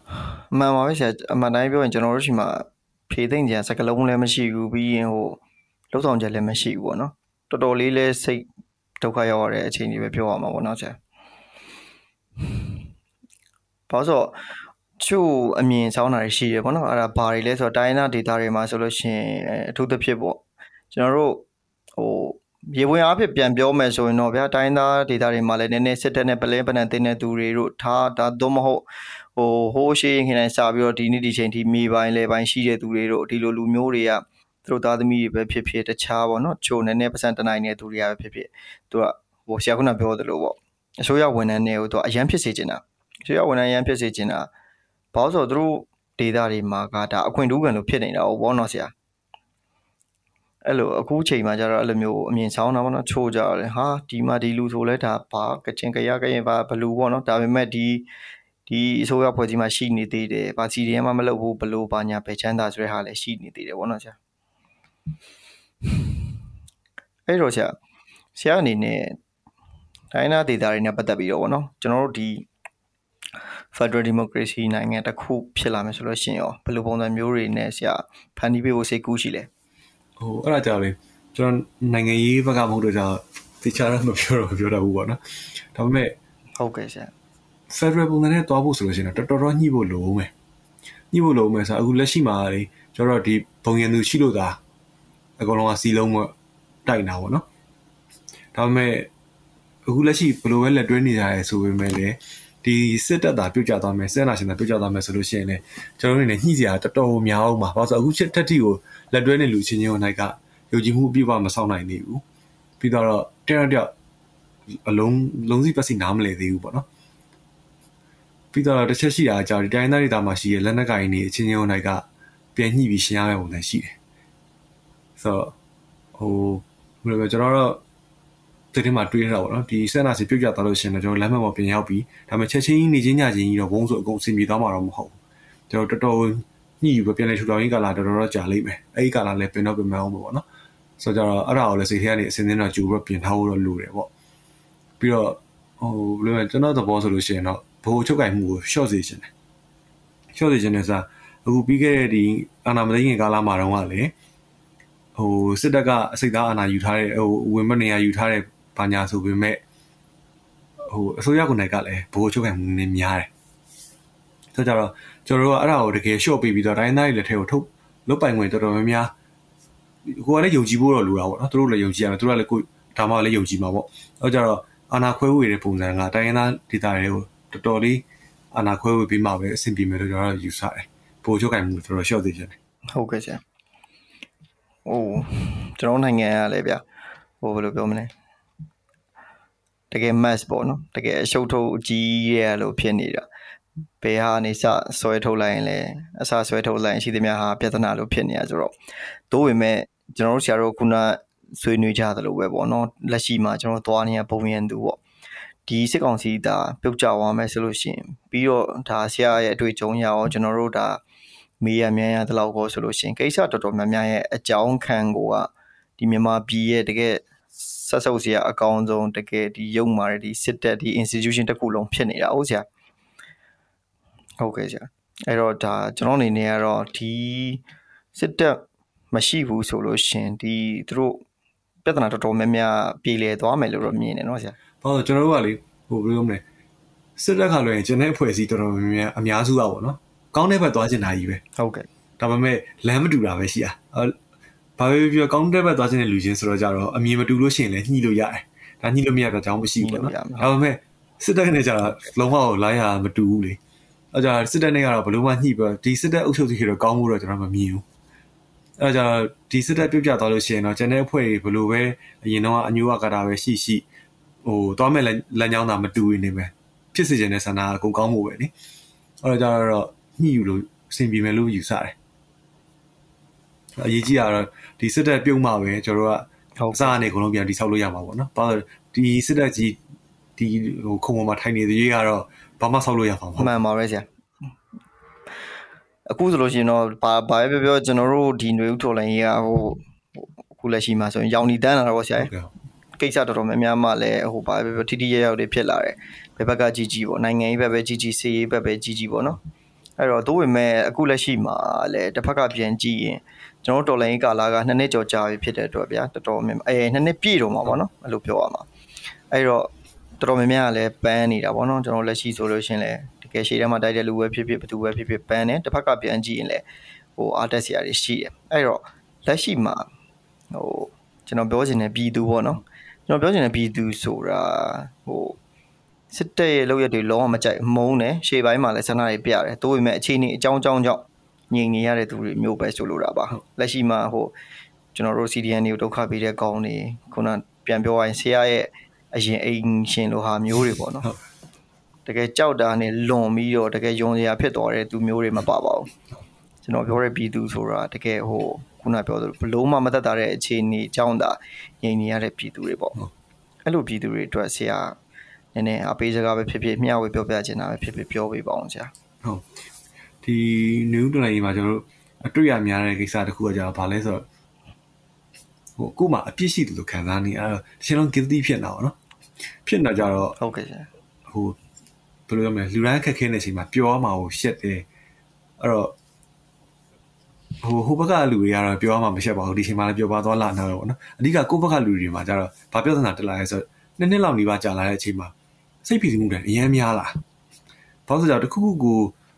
လူဆိုတာဘယ်သူမှဆိုအနားယူဖို့လိုတယ်လေအဲကြတော့ကိုစိတ်ထပ်ပေါက်တခုကိုလှုပ်လိုက်တော့မယ့်အချိန်မှာဆိုလို့ရှိရင်သူတို့ကတကယ်ကိုယ့်ဘက်မှာရှိတဲ့လူတွေဆိုရှင်တော်ရဲလူတွေတော့တွေးမိอ่ะဟောသူတို့ဆိုဘလို့ခက်ခဲနေမှာဟိုသူတို့ဆိုဘယ်တော့တော့ဒုက္ခရောက်နေဒီရှိမှငါမပြောတင်ပါဘူးပေါ့နော်ဆိုပြီးတော့အဲ့နောက်ပိုင်းမှာဖြစ်လာရဲဆိုတော့ဟိုစိတ်ပိုင်းဆိုင်ရာမှာကျမကြီးတော်တော်ထိခိုက်လာကြရပါတော့နော်တကယ်အဲ့ဒါမကောင်းဘာလို့ဆိုကြတော့အဲ့လိုဖြစ်လို့ရှိရင်ကိုယ့်ဘက်ကနေပြီးတော့ အတွေးမြင်နေပြီးတော့ကိုယ့်ဘက်ကဆောက်ရှုပ်ပေးနေတဲ့လုံအားတွေထိတယ်ထိရဆိုကြဒီနေဦးတော်လိုင်းကြီးကကျွန်တော်တို့စိတ်ခံစားမှုဦးစားပေးပြီးသွားမယ်လို့မဟုတ်ဘူးပေါ့နော်အဲ့ကြတော့ဒါကိုကျွန်တော်ကနေ့စဉ်လုပ်တစ်ခုလို့မြင်ဖို့လိုတာအဲ့တော့ကြတော့ကျွန်တော်ပြောရတာဒီဒီစစ်ကောင်စီကိုအားပေးထောက်ခံတာမဟုတ်လို့ရှိရင်ပြီးတော့ကိုယ့်ရဲ့ဒီဝင်ငွေစစ်ကောင်စီဘက်ကိုစီးဆင်းသွားတာမဟုတ်လို့ရှိရင်ကျန်တဲ့ဟာကျွန်တော်အပြစ်ကင်းတယ်လို့ကျွန်တော်ယူဆတယ်အဲ့ကြတော့ဟိုကိုတရိတာမှာအရင်စိတ်ပမန်းလာလို့ရုပ်ရှင်ကြည့်လိုက်ဖို့ ဝင်မလေးနဲ့ပေါ့နော်တချင်သားဟောင်းလိုက်ဖို့ဝင်မလေးနဲ့ပေါ့အဲ့ကြတော့ဒါပေမဲ့ကိုယ့်ကောင်းထဲမှာလည်းရှင်းနေအောင်မြင်ထားမှာဒီစစ်ကောင်စီရှိနေသည်အနာဂတ်စာအနာဂတ်ကောင်းစာဘယ်လို့မှရှိမှာမဟုတ်ဘူးအဲ့ပြုတ်ကြဖို့အတွက်ကိုကိုကကြောင်းတစ်ခုတက်နေတယ်လို့မျိုးကိုအလုပ်တစ်ခုရုံးလုပ်တစ်ခုလုပ်နေတယ်လို့မျိုးကိုကိုကစိတ်ထဲမှာအကြင်ဉာဏ်ထုတ်ပြီးတော့ကိုစဉ်းစားပြီးတော့ရှေ့ဆက်သွားနေမှာရမှာဒါနားတဲ့အချိန်နဲ့နားမယ်ပြီးတော့အလုပ်လုပ်တဲ့အချိန်မှာလည်းလုပ်မယ်အော်ပြည်သူတော်တော်များပါဖြစ်လဲဆိုတော့တနည်းအားမှာဝုန်းဆိုဖြစ်လိုက်ပြီဆိုလို့ရှိရင်အကောင်လုံးကသွေးရည်ဆူလာ ဆူလာပြီးသားရင်ဝုန်းတိုင်းနဲ့ channel တွေဆိုလို့ရှိရင်လည်းဟိုကြည့်ရလူတွေတာတက်လာတယ် clip တွေဆိုလည်းအများကြီးတက်လာရပါတော့ပြီးတော့ရှင်အမျိုးမရှိတော့ကျွန်တော်ငြိမ်သွားပြန်အောင်တကယ်အဲ့လိုဖြစ်လို့တော့မရအောင်အဲ့ကြောင့်ကျွန်တော်တို့ကပြည်သူတွေကိုမှာချင်တာကကြတော့စောစောလို့ကိုယ့်ကိုစိတ်ပိုင်းဆိုင်ရာဖြစ်စီမှုတော့အရင်အများမခံနဲ့ပေါ့နော်ဒါပေမဲ့အဲ့လိုအပျော်ဘားနောက်လိုက်ရင်လိုက်ရင်လည်းလေပေါ့မသွားစေနဲ့ပေါ့အဲ့တော့ဒါကိုကိုယ့်အနေနဲ့ရုံးလို့တစ်ခုလို့သဘောထားပြီးတော့ပုံမှန်ဟိုအခြေတရားဆွဲပြလို့ဖို့တော့လိုလိမ့်မယ်ပေါ့နော်အဲ့ကြတော့တော်ရဲမလာနိုင်လို့လည်း ဟိုလက်ပြမလို့ခံစားကြမလို့ပေါ့နော်။လူတိုင်းကတော့ကိုယ်ခက်ခဲနဲ့ကိုယ်ပဲနိ။ဆိုတော့ကိုပါဝင်နိုင်တဲ့နေရာနေပါဝင်နိုင်ဖို့ပဲအရေးကြီးတယ်။အဲ့တော့ဒီအစာပိုင်းမှာဆိုလို့ရှိရင်ကျွန်တော်တို့အခွန်ဆောင်တဲ့ကိစ္စတွေကျွန်တော်ပြောအခွန်မဆောင်တဲ့ပြောတယ်။နောက်ပိုင်းမှာတကယ်တကယ်တော့မရဘူးလေ။မရဘူးဆိုတော့လူမညီရလဲပါမယ်။ပြီးတော့နောက်တစ်ခါကျတော့တော်ထဲမှာကျွန်တော်တို့ကမှဟိုမီးမီးမရှိလို့ရှိရင်လည်းဆူလာနဲ့သုံးမယ်ရေမရှိရင်လည်းဟိုချောင်းနဲ့ဆင်ခတ်လို့ရသေးတယ်။အဲမြို့မှာကျတော့စောစောလို့လျှက်စစ် ဟိုမီးမရှိရေအားစပြဿနာတောင်မှသူတို့အခွန်ဆောင်ရတယ်ပေါ့နော်။အဲ့တော့ကျတော့သူတို့တချို့စိတ်ထဲမှာအပြစ်မကင်းလို့ခံစားရတဲ့လူတွေရှိတယ်။အဲ့လိုလူတွေအတွက်ကျွန်တော်နီလန်ပေးချင်တာဒီစကားစားဘက်ကိုကိုကအခွန်တသိန်းဆောင်လိုက်ရတယ်ဆိုလို့ရှိရင်တော်လှန်ရေးဘက်ကိုအနည်းဆုံး2သိန်းမပါနိုင်တော့မှညီလူမျှတွေပေါ့နော်ပြန်ပါဝင်ပေးနိုင်ရင်ပိုအဆင်ပြေတယ်ပေါ့။အဲ့ကြတော့ဟိုဘက်ကိုကိုမလွဲသားမချောင်းသားလို့ပါပြီဆိုရင်ဒီဘက်ကိုကိုနှစ်ဆပြန်ပါပေးလိုက်ပါပေါ့အဲ့လိုနေရာဖြစ်မယ်ဒီရှိမှာကျွန်တော်ဖြည့်ရှင်းလို့ရမယ်ပေါ့နော်မဟုတ်လို့ရှိရင်တော့ အပြစ်ရှိသလိုခံစားရင်ခံစားရင်ခံစားရင်ခံစားရင်နဲ့အကုန်လုံးကျမကြီးပါထိခိုက်ကုန်မှာကျွန်တော်ဆိုရည်ပဲဟုတ်ဟုတ်ကဲ့ဆရာကျေးဇူးတင်ပါတယ်ဆရာဘာပဲပြောပြောဟိုဆရာလုတ်ပေးခဲ့တဲ့အတိုင်းတာတွေပေါ့နော်အခုလက်ရှိလဲကိုနိုင်တဲ့ဘက်ကနေပြီးတော့ပါဝင်နေတယ်ဆက်သွားနေတယ်ပေါ့အဲ့ဒါတွေအတွက်လဲဒါကျွန်တော်တို့ဒေါ်လာချင်းများနဲ့ခက်တဲ့မြန်မာပြည်မကပါဘူးဆရာတို့ဒီ KNP နေအပြည်သူတွေရောဒီမြန်မာနိုင်ငံလုံးဝဒီຫນွေဥတော်လိုင်းရဲ့အတွက်ပေါ့နော် လုံမန်းနေတဲ့ပြည်သူတွေရောဒါကျေးဇူးတင်နေမှာပါသူတို့ကလည်းဆရာတို့ကိုဒါတောက်လျှောက်လေးချနေမှာပေါ့နော်အဲ့တော့ဘာပဲပြောကျွန်တော်တို့နေဦးဒေါ်လာကြီးကဟိုဘယ်လိုပြောမလဲလုံးဝအောင်မြင်မယ်ဆိုတော့စိတ်နဲ့သွားနေတာဖြစ်တဲ့အတွက်အချိန်တန်ရင်တော့ဒါကျွန်တော်တို့အားလုံးပြည်သူတွေရောအောင်မြင်မယ်လို့ယုံကြည်ပါတယ်ဆရာကျွန်တော်ယုံကြည်ပါတယ်ဟုတ်ကဲ့ဆရာအခုလိုမျိုးဒါကျွန်တော်တို့နေဦး ဒီနွေဦးဒေါ်လာရေးမှာပေါ့နော်တကယ်ဝင်ဝင်ပါဝင်ပြီးတော့ဒါဆရာရဲ့အတွေ့အကြုံတွေပေါ့ဆရာရဲ့ဒါဘာပဲပြောအသက်အနေနဲ့ရင်ခဲ့ရတဲ့အတွေ့အကြုံတွေရောဒီနွေဦးဒေါ်လာရေးမှာတကယ်လုံးပန်းခဲ့တဲ့အတွေ့အကြုံတွေရောဒါဟုတ်ဒါပုံမှန်လင်းလင်းမျှဝေတော်တဲ့အတွက်ကောဆရာရဲ့ဒါဘဝအတွေ့အကြုံတွေတွေကနေရောအတက်ဆရာတွေအားကြဆရာတွေကိုမျှဝေသွားတဲ့အတွက်ကောဒါကျွန်တော်တို့တော်လန်ချင်းများနဲ့ခေတ္တမြန်မာပြည်ပေါ်ကတ်ကနေပြီးတော့အထူးပဲကျေးဇူးတင်ပါတယ်ဆရာဟုတ်ကဲ့ပါဟုတ်ကျွန်တော်လည်းအခုလိုပြောခွင့်ရလို့ကျေးဇူးတင်ပါတယ်ဟုတ်ကဲ့ခင်ဗျာဆရာဆရာဆက်ဆက်ရအချင်းပြပါစေဆက်ပြီးတော့လည်းဒါ တကယ်ဒီတိုင်းပြည်ရဲ့အကျိုးကိုလည်းဆက်လက်သယ်ဖို့နိုင်တဲ့ဆရာဝန်ကောင်းတယောက်လူကောင်းတယောက်အနေနဲ့ဆက်ပြီးသွားနိုင်ပါသေးဆရာကျေးဇူးပြုပါသည်ကျွန်တော်တို့ရဲ့တော်လန်ချင်းများနဲ့ခစ်တစ်မြန်မာပြည်ပေါ့ကတ်ကိုအဆုံးထိတေချာနားထောင်ပေးရတဲ့အရန်မဲ့ဝမ်းသာရပါတယ်ခင်ဗျာဒီချိန်ဒီကာလကကျွန်တော်တို့မြန်မာနိုင်ငံကိုချစ်မြတ်နိုးတဲ့သူတိုင်းအတွက်အရန်ခက်ခဲစိတ်ပင်ပန်းနေရတဲ့ကာလလည်းဖြစ်ပါတယ် ကျွန်တော်ကိုယ်တိုင်လည်းအရန်စိတ်ပင်ပန်းရပါတယ်တခါတလေလုံးဝစိတ်ပြက်လက်ပြက်ဖြစ်သွားတဲ့အချိန်တွေလည်းရှိပါတယ်ဘလို့ပဲဖြစ်ဖြစ်ပေါ့ဗျာဒီခစ်ဆိုးစနစ်ဆိုအဆုံးသတ်ဖို့အတွက်ကျွန်တော်တို့မှာလည်းတာဝန်ရှိသလိုနိုင်ငံသူနိုင်ငံသားတိုင်းမှာတာဝန်ရှိပါတယ်ခင်ဗျာဒါကြောင့်ဘာတွေဘလို့ပဲကြုံရကြုံရအားတင်းပြီးတော့ဒီစစ်အာဏာရှင်အမြင့်ပြည့်ရေးမြန်မာနိုင်ငံအမြန်ဆုံးအေဂျင့်ရေးနဲ့တိုးတက်ရေးကိုကျွန်တော်တို့ရှေ့ရှုပြီးရှေ့ဆက်နေရမှာဖြစ်ပါတယ်သတင်းချက်လက်ရယူခြင်းရဲ့အဓိကအကျိုးသက်ရောက်မှုကကျွန်တော်တို့ဒါ နိုင်ငံတွင်းအခြေအနေတွေကိုနိုင်ငံတကာမီဒီယာတွေသိစေမယ်သူတို့ကိုအာရုံစိုက်စေမယ်